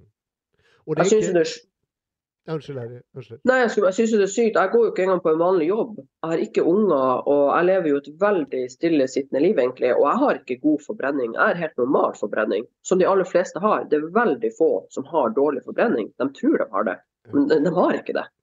Så jeg tenker bare, jeg har jo møtt folk som er i full jobb og til og med har unger og alt mulig, og så spiser de mindre mat enn meg. Det er jo helt sjukt. Jeg skjønner ikke, det er galskap. Det, det er liksom Og sen, sen et annet poeng som jeg tenker er veldig viktig å få fram her. Dette er jo ikke noe du har gjort bare nå siste ukene, eller siste månedene, eller siste året. Utan det er noe du har gjort over jævlig lang tid. Mm. Og jeg har jo òg hatt metabolisme etter konkurranse som har vært litt skakkjørt og alt mulig. Men det beste trikset for å få metabolismen til å bli bedre, det er jo å spise mer mat. Og gå opp på kaloriene.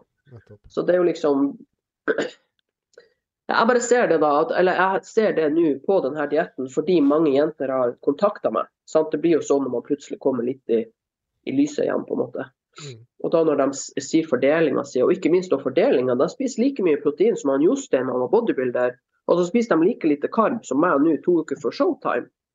Altså hvordan i alle dager tror de at de skal ha energi og kraft til å trene med tunge vekter? Og alt det proteinet, hva det skal gjøre for dem, det gjør jo ingenting. Så nå har jeg spist 160 gram med protein. Det er det jeg spiser, liksom. Så det er liksom, jeg, jeg, har liksom jeg har liksom fått veldig sånn inn, innblikk i da at ekstremt mange spiser veldig lite og ekstremt lite karb, og da kommer du ikke noen vei med det her. Vi er jo idrettsutøvere, liksom. Mm. Mm. Ja. Så ja, hvis du skal bli så rå som meg, spis mat, masse mat, off-season. Og beregn god tid. ja, selvfølgelig. Men liksom velge, og, og sånn som vi har snakka om før, at jeg klarer jo egentlig ikke å spise nok mat engang. Jeg skulle spist enda mer. Fordi når du spiser maten i bra mat, så er det veldig vanskelig egentlig å spise for mye. Det er jo når du fyller på med drit og junk at ting sklir lettere ned. Men når jeg skal spise bare den bra maten som jeg spiser året rundt i, i masse kalorier, så er det ganske tungt, liksom. Mm. Jeg vet du snakka om det før du begynte på preppen, at du sleit med å få i deg maten din. Mm. Det er liksom, jeg skulle aller helst ha spist enda mer, men fordi det er bra mat jeg spiser, som ris og karbonadeig og altså ting som havregryn, altså ting som er fiber i og ting som holder meg mett, så så er det ikke jeg, jeg går aldri og tenker at å nei, nå har jeg spist for mye av den bra maten. For jeg vet at det skal jævlig mye til. Du holder deg som du sier, veldig bra form også. Når du spiser den rene maten, så kan du bruke enorme mengder. altså.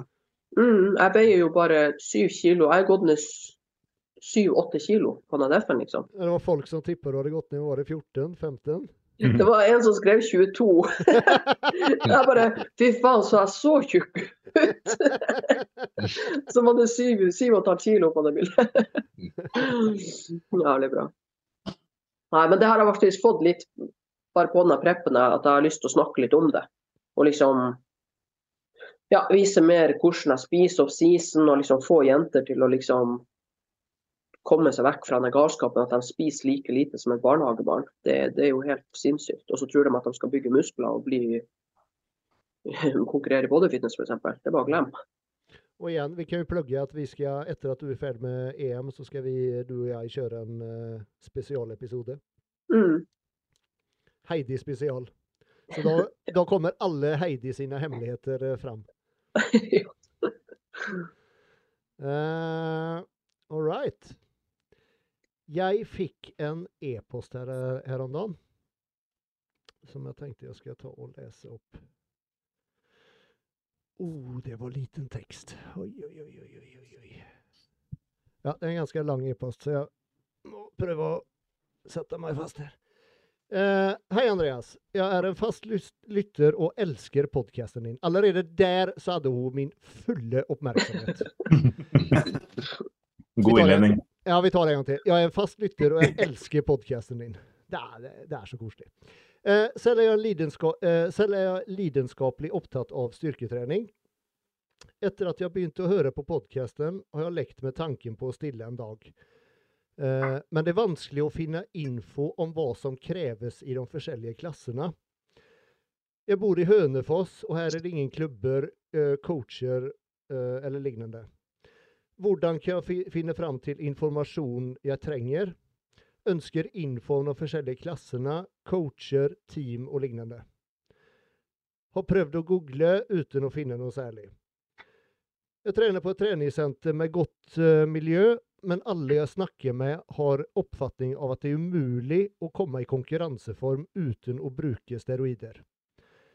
Spesielt får jeg høre at det nesten er umulig for jenter å bygge muskler uten å benytte ulovlige preparater.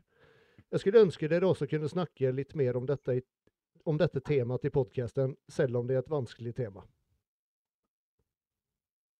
Altså, For det første, det er ikke noe vanskeligere for jenter å bygge muskler enn gutter, egentlig. Det er liksom det trenger, Man trenger ikke å ha det som en unnskyldning at man er jente, liksom det temaet i seg selv er egentlig veldig lett å snakke om. At det er, ikke, det er ikke mulig å bygge muskler i det hele tatt uten bruk av steroider. Nei, det, det går helt fint. Det er latterlig uh... Spesielt hvis du er nybegynner. Dæven da. Da kan du bygge sjukt mye muskler, for å si det mildt. Det, det, er, det er, en latterlig fordom fra folk som henger igjen og tror liksom at uh, det, det er det eneste måten å gjøre det på. Det overrasker meg at, at, at det er sånn, sånn, folk flest tenker. At det er liksom mm. umulig å stille. Og da for hun som er jente og eh, Nå vet jeg ikke om det er bodyfitness eller om det er eh, Mest sannsynlig så tror jeg det er bik eh, bikini som hun har lyst på, ikke sant? Mm. At folk tror at det er umulig å stille i bikini uten å bruke steroider. Mm, ja, og bikini som er så Det er jo Altså det, det, er på en måte i gåsøya vanlig trente jenter. Det er jo ikke, det er jo ikke små bodybuildere, liksom. Det er jo det, det, er jo ikke det. Det er fitte jenter, liksom. Mm. Men jeg tenker jo at i Norge, sånn, sånn, det er nå, med klassene som er i Norge nå, hvis du ser bort fra bygging, så tenker jeg at det er eh, i nesten alle klassene så kan du hevde deg naturlig. Men det, det, det, det handler om er hvor lang tid du er villig til å bruke på å komme dit du skal. Ja. Skal du, skal du, trene et år, to år, så vil du ikke kunne hevde deg i classic bodybuilding hvis du ikke er født som et genetisk freak, men uh, bruker du litt tid, mm. så vil du kunne gjøre det naturlig, uten tvil.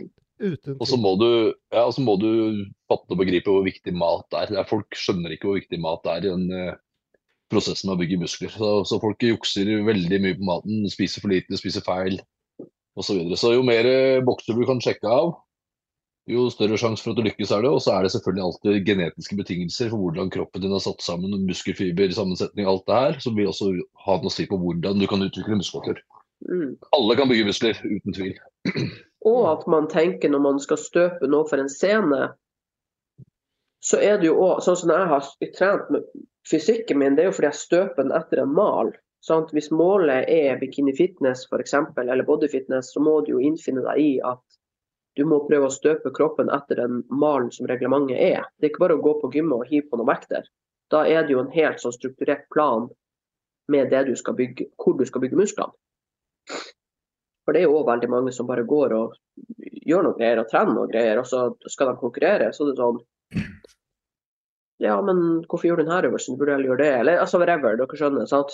Mm. Man, mangler skuldre, og så, og så har man ikke fokus på skuldre, f.eks. Mm. Det er det som er at ofte så må man trene det man kanskje syns er kjedeligst å trene litt mer. For det, Ja. folk er veldig flinke til å trene det som er gøy, og da får du frem de sterke sidene dine. ikke sant? Og så blir svakhetene glemt. da. Mm.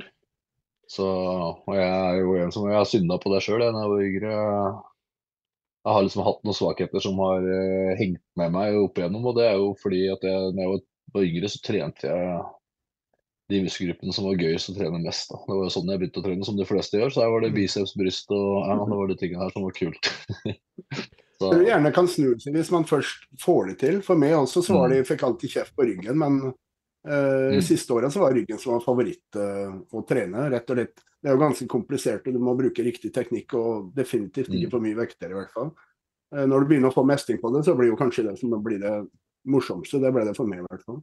mm, Mm. Og så kan vi jo si klubboversikt og sånn, det er jo på ifbbnorway.no. Der er det jo en egen sånn fane for utøvere, og der står det klubboversikt. Så Der kan man gå inn og se over alle de klubbene som er, eh, som er i Norge i dag. Mm. Just med Også- Unnskyld. Nei, og sammen med reglement også. Mm. Det er bare å gå på IFBB Norway, og så finner du frem til ifbb.com sine egne For det er jo det første. At man må lese den klassen, hva som faktisk står der. Og så når man får coach og sånn, så vil jo coachen hjelpe med å gjøre det litt mer forståelig, da. Hva, Mm. for reglementet er jo selvfølgelig litt vanskelig hvis man aldri har gjort det før, på en måte.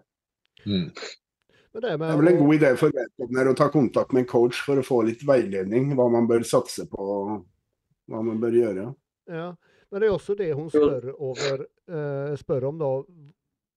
Liksom sånn oversikt over coacher, eller eh, liksom Hvordan skal hun finne fram en coach? For det er jo ikke Det finnes jo ikke noen, noen sånn samlet oversikt over coacher.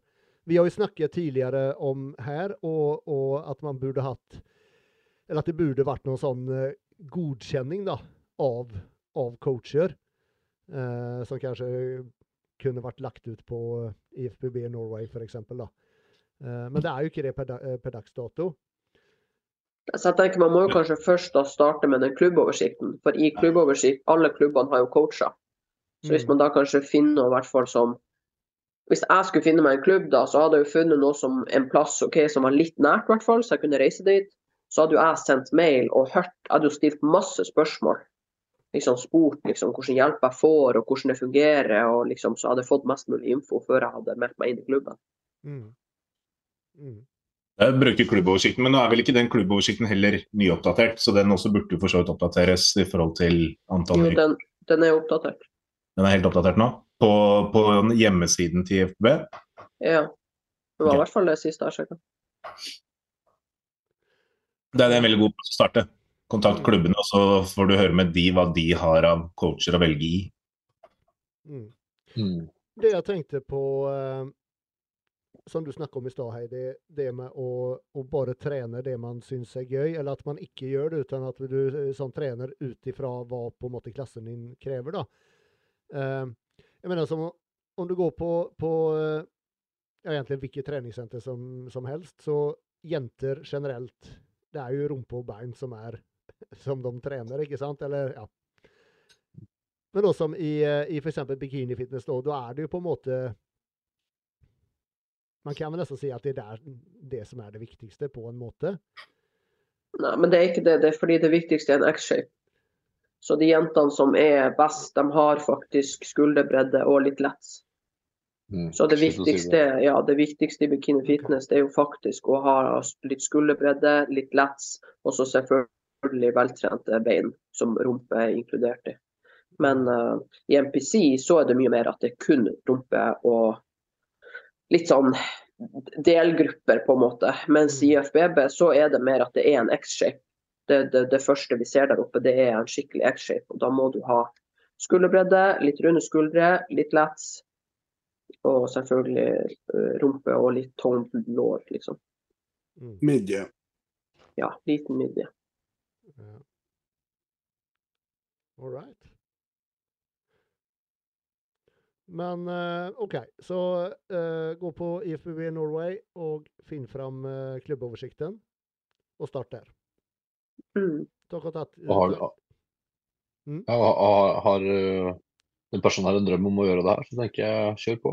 Mm. Absolutt. Og, Mm. og igjen, det er eh, absolutt ingen nødvendighet å bruke noen steroider. Heller tvert om. Overhodet ikke. Og i hvert fall ikke i bikini fitness.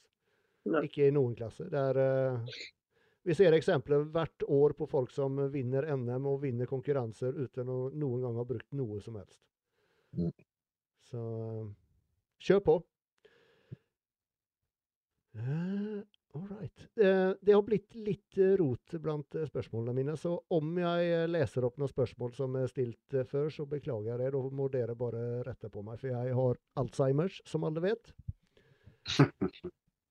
uh, tips til mat. Tips til billig, bra mat. Jeg har fått permisjonsvarsel. Jeg vet ikke, jeg har liksom, Når jeg er på diett, så har jeg jo bedre økonomi enn ever. på en måte. Så Det er billigere enn noen gang. det er jo billigere enn noen gang. Ja. Man lever på havregryn, ris, eh, poteter og, og fisk og kjøtt koster litt, men det går jo opp i opp fordi du kjøper jo aldri noe snacks. Mm, det er akkurat det. Ikke noe spontankjøp og sånn. Mm.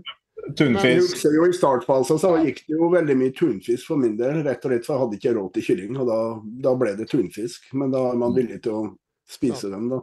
Samme her. Det hadde jeg, jeg hadde aldri spist det i dag. Men det lønner seg å, å følge med på sånne her eh, Jeg vet ikke om de her ulike butikkene har apper og sånn. For ofte er det jo tilbud på kylling. Og da bare kjøp inn så du har. Mm. Jeg tenker Om du bor i nærheten av Sverige, så kan du få tak i billigere, billigere kjøtt der. Mm. Biff og kylling og kalkun og det, det som er. Det, er eh, det har blitt, ja, det har blitt mye dyrere i Sverige også, men det er fortsatt billigere enn hva det er i Norge, i hvert fall. Mm. Uh, Pangasius, er ikke det en billig fisk? Fisken, ja. Mm. Veldig billig. faktisk aldri smakt. Åssen er det? Er det som sei eller noe?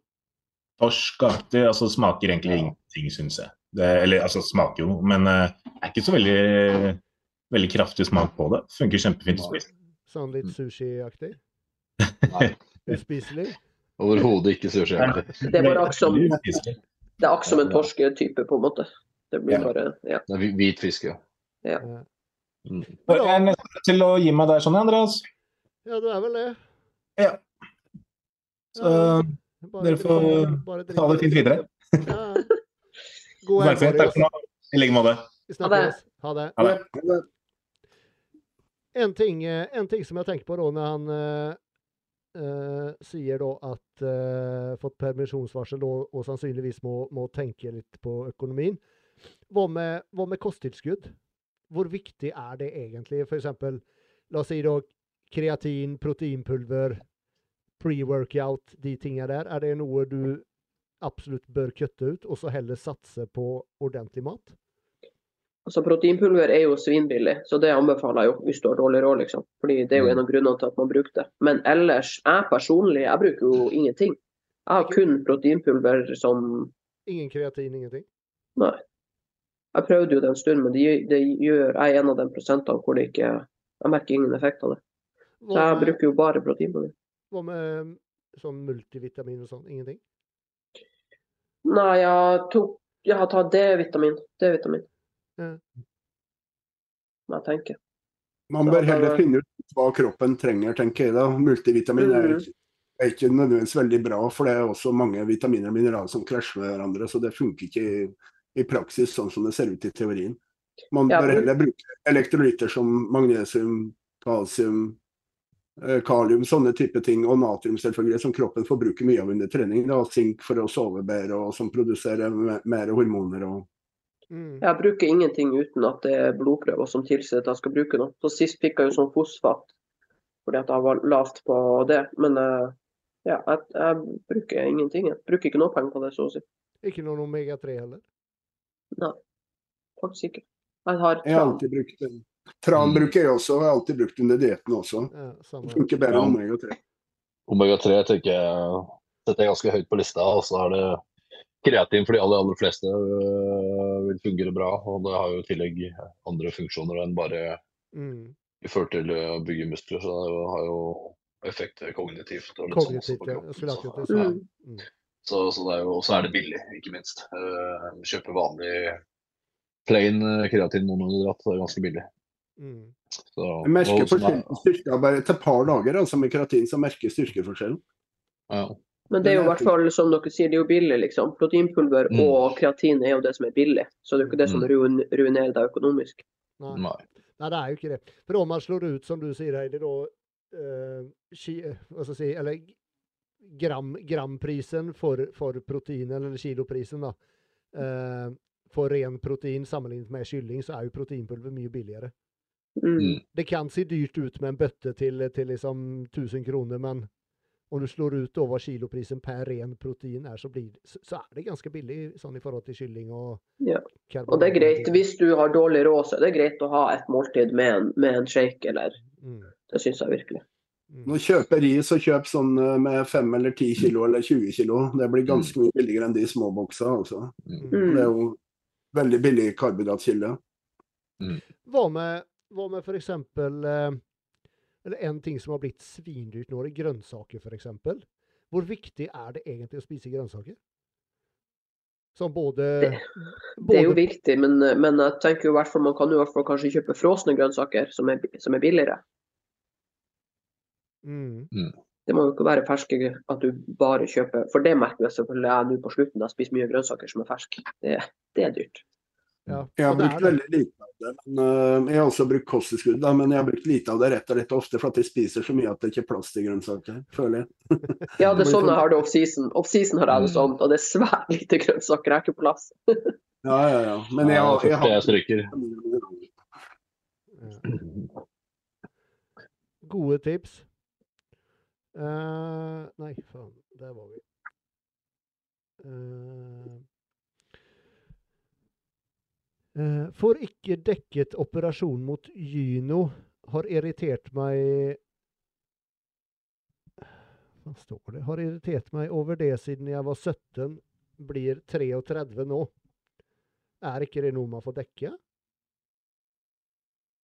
Jo da, men jeg tror kanskje at du må ha en årsak til det, sånn som f.eks. at det smerter, eller at det er veldig skal vi si for noe? At det går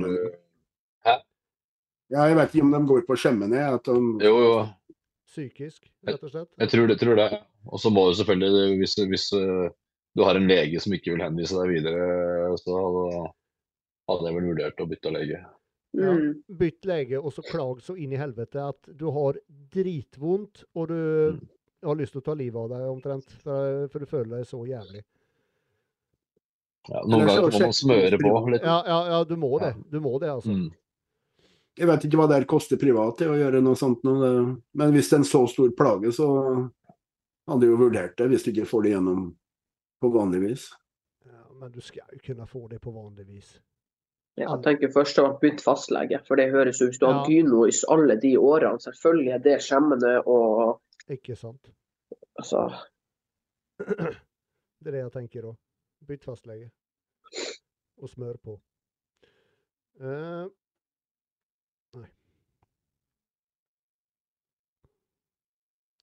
Eh, tanker rundt overganger i vendingene til menns fysikkgutta. Har fått høre fra flere av dommerne at man, blir, at man vil bli trukket ned om man har for mye show-factor i vendingene. Bidrar dette da ikke til en veldig livløs form for posering? Det er vel egentlig ikke at det show. Det greia er jo bare at du har ikke lov til å liksom drive og flekse og spenne muskler imellom. At du ikke driver og setter en skikkelig tricepsflex eller bicepsflex, eller det er vel det det egentlig har om. Lettere for dommere å bedømme også når ting, folk gjør ting likt. da. Mm. Men det, er jo noen, men det er jo noen som liksom er helt kaster armene rundt hit og dit. Altså, det er jo ikke det vi ser på, liksom. Det er litt som vi satt og snakka om når vi, eh, når vi kommenterte var det bikinifitnessen, Heidi. Det Mm. at, at eh, noen jenter gjør veldig mye ut av seg på, eh, på eh, i eyewalken, og ikke minst når man på en måte skal bytte plast og sånn, sånn på sammenligninger, da. At man på en måte ikke overdriver det. Ja, det er, liksom, det er jo en mening med det man gjør, på en måte. Det vil jo være mens fysikk òg, at man vender pent og får en flyt på det. Men det vil jo ikke si at du bare skal gjøre masse ekstra greier fordi for å gjøre noe, på en måte. Nei. Og det er jo ikke altså, De vendingene er jo ikke for, for å lage show, utan de er jo for å vise dommerne. Det er jo det, det, er det konkurransen Ja, går ut på. Det er jo poseringa som, som blir dømt. Og så er det jo selvfølgelig fint hvis du vender og det flyter fint og sånn, men du trenger ikke å ja, Man trenger ikke å klikke helt, liksom. Mm. Sant. Uh, skal vi se. Vi tar en siste reklame, og så tar vi et par spørsmål til. Skal vi se Den har vi tatt. Den tar. Synes du mat- og kosttilskudd har blitt dyrt i Norge? Ta da en harrytur til Svinesund, der du i tillegg til billig mat også får kjøpt alt du trenger av kosttilskudd hos Hälsokostbolaget, som ligger lengst inn i gågaten ved gamle veteranen på Svinesund, og som er åpent fra klokka 10 til 19 syv dager i uken. Med uslåelige svenske priser består sortimentet bl.a. av kosttilskudd, treningsklær, hudvårdsprodukter, helsekost og CBD-olje. Verdt å nevne er at styrken i mange vitaminer er mye bedre enn her hjemme i Norge. D-vitamin f.eks. kommer med opptil 125 mikrogram. Med et stort og veldig bredt sortiment finner du alltid det du er på jakt etter. Og når man topper det med kunnig personal, personlig service og uslåelige priser, så blir du alltid en meget fornøyd kunde. Hälsokostbolaget lagerfører mange anerkjente varer og merker som ellers kan være vanskelig å få kjøpt i Norge. Et godt eksempel er Trained by JP. I hele april måned får du 20% rabatt på alt av vitaminer og mineraler om du oppgir kodeordet Gymbros. I tillegg har du som alltid også 10% rabatt på resten av sortimentet. Der. Uh, all right. Nei, der. Uh, nei, det var feil. Der, da. Har dere tips til hvordan å stresse mindre med sitt eget selvbilde? Åh, det er jo komplekse greier. Da. Det kommer jo an på hva, hva man stresser med når det kommer til selvbildet sitt. Da. For det kan jo være ulike ting. Ja, herregud. Sammenligner man seg med andre, hva er det som gjør at man Jeg eh, tenker liksom sånn kanskje de, de vanligste tingene da, som, er, som man hører med gutter og jenter, da, er- eller just i denne sporten, da, at eh, gutter syns de er altfor uh, for små, ikke sant? Og jenter syns de er altfor store. det er vel det vanligste, er ikke det? Det er vel mye sosiale medier i dag òg som skaper press på folk, dessverre. Ja. Mm. Det er det jeg skulle si. Man sammenligner seg sjøl med andre hele tida. Da. Kan det være idé å, å, å kutte ut sosiale, sosiale medier, eller ikke være så mye på sosiale medier? Det går i hvert fall an å, å avfølge folk som når man merker at det- blir trigga. Det er jo kanskje noen man ser på Instagram som det blir trigga av. da. Kanskje i hvert fall avfølge dem eller trykke skjul, så man ikke får opp de som kanskje Ja, dere skjønner hva jeg mener. Ja, ja. Det er vanskelig å gi noen tips på akkurat den biten der. altså enn Å gå i seg sjøl og, og elske seg sjøl, som man sier. Det er jo veldig enkelt å si, men eh, Mm. Være trygg på seg sjøl og, og, og, som dere sier, ikke sammenligne seg med andre. Mm. Men jeg tror tror folk tenker mer over det sjøl, hvordan man ser ut enn andre rundt en Ja, gjør, ja. egentlig. Absolutt. Alle, vi er, alle, alle er jo små narsissister, så alle bryr seg egentlig bare om seg sjøl. Ja, ja. Ja. Sånn, hvis du drar, drar bort, hvis du skal på stranda i, i Hellas, liksom, så er det jo det er ingen, ingen som bryr seg om hvordan du ser ut. Det er jo kun du sjøl som tenker over Ja. hvordan du ser ut. Katja har noen av oss vært på stranda og brydd oss om de 50 menneskene rundt oss, hvordan de så ut, på en måte? Mhm. Altså, jeg tenker ikke over dem engang. Nei. Jeg tror jeg folk tenker veldig forskjellig. Det er, jeg hører liksom mange som sier nei, men de skal bli i form til sommeren. og Jeg har aldri tenkt på den måten, men det er nå bare sånn jeg er bygd, så Mm. det, derfor er det vanskelig å gi folk tips, egentlig. Men det er vel også en Ta sånn ting som ta en prat med Finn Tore. ja, ja, ikke sant? Men det er vel også en sånn ting som kommer med, litt med alderen, at jo eldre du blir, jo mer tryggere blir du på deg sjøl. Ja. I hvert fall for min del, da jeg var yngre, tenkte jeg på helt andre ting enn jeg tenker på i dag. Ja, ja, ikke- sant? sant? Når vi var yngre, så hadde vi heller ikke alt det der Vi ble ikke spadd inn med ting på sosiale medier, ikke sant. Så vi hadde en helt annen oppvekst, da. Og det Jeg vet ikke hvor gammel den som har spurt eh, det spørsmålet her er, men eh, Ja, veldig ja, modne. Ja. Jeg tenker jo også, Hvis det er litt sånn kroppslige ting som jeg har sagt før, at man burde liksom ikke gå liksom daglig, flere ganger for dag, kanskje å se seg i speilet. Hvis man syns man har litt mage, så går man og speiler med magen fem ganger for dag. og liksom blir som besettelse. Da burde man i hvert fall stoppe seg i å liksom fokusere på det. F.eks. gå i speilet og se på det hele tida. Det, Det, det, Mm. det blir jo bare verre av det. Mm. Ja, det eh, forandrer seg ikke så mye fra klokka 11 til klokka 4, liksom. Nei, nettopp. Så du bare trigger det giftige, den giftige besettelsen, på en måte. Ja. Mm. Prøv heller å fokusere på det du er fornøyd med, kanskje. Jeg Mm. vet ikke. Eh, beste skitmil? Burger King. Neste spørsmål. Det var jo veldig smakssak. Nei, men vet dere hva, jeg må faktisk si, for at jeg har jo spist nå tre dager, spiste jeg jo Men det er sånn 1% av det som var verdt. Det var ingenting jeg syntes var godt, og alt var for søtt. Og Var du på Burger King? nei, nei. Nei, nei, men hadde, du, hadde du vært der, så, så skal jeg love deg, du hadde fått ditt livs opplevelse. Nei, ikke faen, altså. Det eneste som var verdt, egentlig, det var den der foccacciaen. Og så lagde jeg sånne egne proteinpannekaker, bananpannekaker med peanøttsmør og blåbærsyltetøy, og de var verdt. Ellers så var alt egentlig bare sånn Jern ville ha det, men når jeg fikk det, så var det sånn meh. Ja, Sånn som pannekaker, det er jo sinnssvakt når man har vært på diett lenge. Og... Jeg syns også brødmat er veldig godt. Ja, og det er det jeg fikk i for der en Sånn type brødmat med alt jeg ville ha oppi. Det er det jeg fyser mest på, på diett. Det er uh, bare en brødskive med ost. Vanlig gulost eller brunost.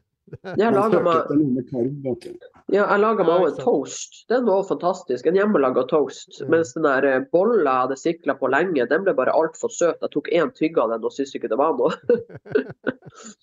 Jeg For før så- var det veldig vanlig å ta en sånn fire liter med is, eller fem liter. Dra ned sånn, for det var så lett, lett å få ned òg. Det er alltid, det er alltid plass til Ja. is, vet du. Ja, ja, ja. Ja, is er alltid godt. Ja, for meg så varierer det litt. Det skifter, skifter hva jeg craver, liksom. Det er ikke den samme tingen hele tida. Det forandrer seg litt. Ja, det veksler liksom mellom salt og søtt, på en måte. Jeg tror det, eller jeg tenker det er liksom litt hva kroppen på en måte savner, da. Ja, ja, sånn. Og så er det også sånn at noen ganger så kan det være burger, andre ganger er det pizza, og så er det biff med godt tilbehør. Altså det er liksom sånn type ting. og Det, Mm. det, er, eh, det er vanskelig å si. Men sånn rett etter diett, så Skikkelig god pizza er jo absolutt ikke feil. Nei, fy faen. Holde alt. Liksom, Mm. eh, liksom bunn, og den har ost, og den har kjøtt, og den har Sikkert. Men det er litt sprøtt sånn, sånn, sånn etter diett, da. Da på en måte Som du sier, da en skikkelig pizza. Jeg mener som, en, som bare en vanlig Grandiosa. Fy faen, det er godt, altså. Ja, ja. Det er så jævlig godt. Ja, det, smaksløkene er jo helt tomme. Ja, de, de eksisterer ikke. Eller de er veldig jeg er en sånn søtperson, så jeg vil gjerne ha eh, sjokolade. Altså Hvis jeg spiser noe godteri i helga, så er, jeg spiser ikke potetgull, men det er sjokolade, liksom. Ja. Jeg, Jeg begynte å bli motsatt. Jeg var sånn før, og nå har jeg begynt å bli motsatt. Jeg krever mer salt enn søtt. Det, det er eh, Jeg tenker det er overgangsalderen, Heidi. Ja, det er begynt å bli voksen.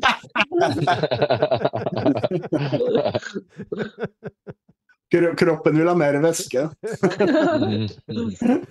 Nei da. Uh, skal vi se, vi tar et par spørsmål til. Ehm, hvilket faen står det? Hvilket kosttilskudd er best for å bygge muskler, og hva slags naturlig testosteronbooster? Ja, det er vel to, spør to spørsmål. Eh, Fin finnes det egentlig noen naturlig testosteronbooster? Sånn, Jeg har vel sett det er ganske greit, da. Naturlig testosteronbooster, det er jo sprint. Hæ? Det er jo trening. eller tung, tung trening. trening, ja. Tung Tung trening. trening, ja. Sprint. Sprintintervaller og sånn. Det booster testoen. Og så har du jo proteinpulver. Det, det blir jo aldri feil, da, som kosttilskudd. Mm. Proteinsyntesen, holdt jeg på å si. Omega-3? Hva med omega-3? Så ser, sett, jeg har sett en del forskning på det. De, de setter tran foran omega-3 altså, i forhold til forskning. Jeg vet ikke hvorfor, men uh, kanskje fordi den inneholder flere ting. At den blir lettere opptagelig. Jeg så en sånn en fra England som Thomas Delander skjønte meg nå nettopp. og da Tran hadde veldig kommet veldig godt ut i forhold til omega-3 på, på det meste. De var sjokkert egentlig over virkninga der. Ok. Ja. Ja, Hva er forskjellen egentlig, da? Nei, Tran inneholder jo mer forskjellige ting. da. Eh, Omega-3 er jo konsentrert. Det er jo tatt ut fra, fra fett, på en måte. Eller fiskefett, eller hvilken kilde de har. da. Men det er jo litt samme med For min del så tror jeg kanskje det er samme med hvis man tar gurkemeie f.eks., som er ekstremt bra for eh, å unngå betennelser, bra for eh, lever osv. Så, videre. Mm. så har du jo celery og kurkurmin som er virkestoffet. Men uh, veldig mange på, på tester så får de jo bedre virkning på å bruke krydderet faktisk enn en kosttilskuddet i seg sjøl. Selv om det høres helt feil ut i, i teorien. Men det er vel, det er vel litt samme med, med kreatin, for det, har, jo- det, eller det finnes jo masse, masse sånne her eh, forskjellige typer av kreatin. Du har jo kreatin ja, alt. Du har jo monohydrat som er på en måte den vanligste og den billigste, og som forskning viser den absolutt beste. Men sen har du flere andre typer da, eh, men som viser seg å ikke være like bra. Jeg syns monohydraten er best. Jeg har prøvd alt. altså Jeg har fått det gratis i årevis. Men jeg tror du sa det samme, Roger, at du foretrakk den uh, monohydraten, eller? Mm. Det er vel den forskningen viser også er, er Ja. det beste. Mm. Er det. Men om man skal dra fram Om, om du nå skal bruke penger på, på kosttilskudd om vi, tar, om vi tar tre eh, kosttilskudd du skal bruke penger på, hva sier vi da? Kreatin. Proteinpulver. Omega-3. Og Jeg vil ta fram en som har blitt veldig hot i siste, som jeg har testa sjøl, og det er rødbetpulver eller rødbetjus. Den er helt sinnssvak eh, på produksjon av NO eller nitroksoksid. da. Det skaper mer oksygentilførsel, og det forstørrer blodårene. og- Altså Nå sammenligner de det med, med EPO, faktisk. Det er ekstremt mange toppidrettsutøvere som bruker det. Jeg tok litt for mye her om dagen. Jeg holdt på å, å svette, jeg svette som en gris og ble dritkvalm. da tar du det før, nesten før trening, da, eller? Mm. Tar du det Før trening, ja.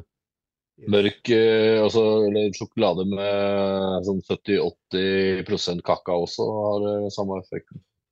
Også kakao, da. Mm. Og så har du spinat, som er litt samme ba veien. Men i hvert fall den er veldig het om dagen, den eh, sånn rødbetpulver. Den er litt tung, og, tung å blande med vann og, og drikke. Den smaker, smaker ikke godt. Og jeg bruker å tømme i meg det meste, men akkurat den er litt sånn Men jeg har noen kompiser, de drikker, eh, juicen. Om du sliter med å få i deg det, Jostein, da er det ille. Ja, det, jeg må si det, altså. Men, men, men hadde du, hadde du, hadde du sånn om du må velge mellom, mellom uh, rødbetspulver og omega-3 eller tran, hadde du tatt det eh, foran det? Nei, da har jeg tatt tran, tror jeg. Ja. Rett og slett for den er mer helsemessig sånn i forhold til det sunne fettet. Mm. Men sånn prestasjonsmessig så jeg, egentlig så ville jeg hatt begge deler. Ja. Okay. Jeg skulle, skulle sagt tre stykker, så eller så har du også kreatin som virker bra. Da. Man, jeg må jo ikke ha det, men det funker bra. Og så er det dem som ikke vil spise eller går glipp av måltid, så, så trenger man jo også proteinpulver. Mm. Ikke sant. Men sånn i forhold til, til eh, naturlig testosteronbooster, finnes det egentlig noe kosttilskudd som, som booster testosteronet?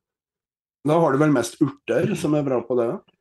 Ja, og så kommer det an på uh, Hvis du har uh, Hvis du ikke har, har vesentlige mangler, da.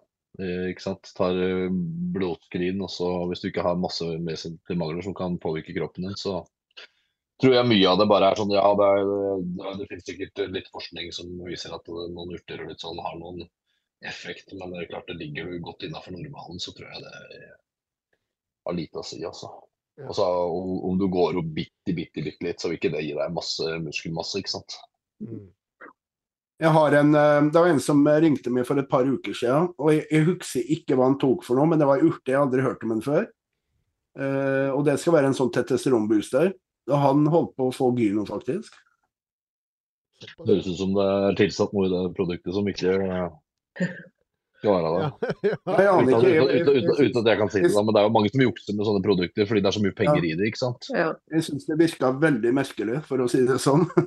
Ja, og det er, jeg leste Jeg vet ikke om det var eh, i idrettshøyskolen eller om det var som hadde gjort en test eh, på det her eh, med produkter. Og det var eh, veldig mange som faktisk eh, kom dårlig ut på innholdet. Altså, så det var ting som ikke sto opplyst om i næringsinnholdet på, på etiketten. Så, Yes. Så det, altså det, folk gjør mye rart eh, for å tjene penger. Så får de den lille fordelen foran et annet eh, merke, så selger de mer. ikke sant? Og så er det blitt en sånn industri at det er så mye penger i det. At, Mm.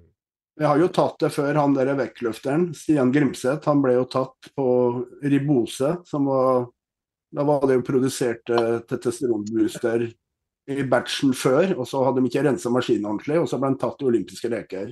Altså Det må være århundrets nedtur, altså. Ja, jeg veit om eh, en til som fikk en lignende Mm. Ja. Det var Universals, faktisk, som var ganske store, Mm. stor produsent. En, en ting kan man vel si, om du, om du på en måte kjøper noe nytt kosttilskudd, og du får en helt sinnssyk effekt av det, da er det noe muffens med det.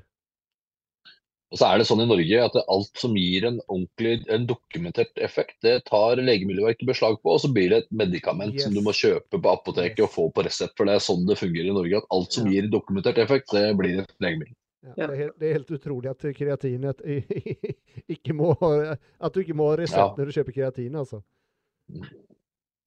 Uh, all right. Siste spørsmål for i dag. Skal vi se. Eh, hva gjør dere om dere har en skikkelig down-periode i dietten der man føler seg dritt? Heidi, har du hatt noen sånne? Ja, jeg står bare i det. Mm. Altså, det er ikke Jeg gjør ingenting. Jeg, gjør da, jeg bare tar en dag av gangen og gjør det jeg skal. Jeg tenker ikke på en måte langsiktig. Jeg bare akkurat som i dag. Det, det er ikke en bra dag i dag i det hele tatt. Men da må jeg bare ta den ene dagen av gangen, gjøre det jeg skal. Og så tenker jeg ikke noe mer. Du Jeg skulle til å si det, det. Jeg gjør det helt eh, motsatte. Jeg, jeg, jeg, jeg blir irritert på meg sjøl, rett og slett. Fordi Eh, Og jeg bruker på en måte det her også, som jeg vet at det tyder på at du begynner å bli i god form. Så man, jeg prøver å bruke til noe positivt. mm.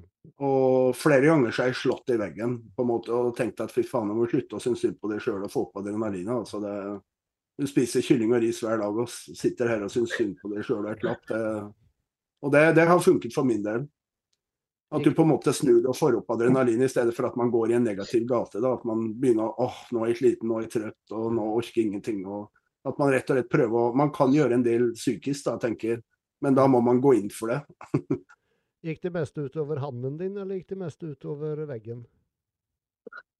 Nei, det husker jeg ikke, men uh, jeg har gjort det i bilen noen ganger òg, jeg har sittet utafor. Ja, du sa det.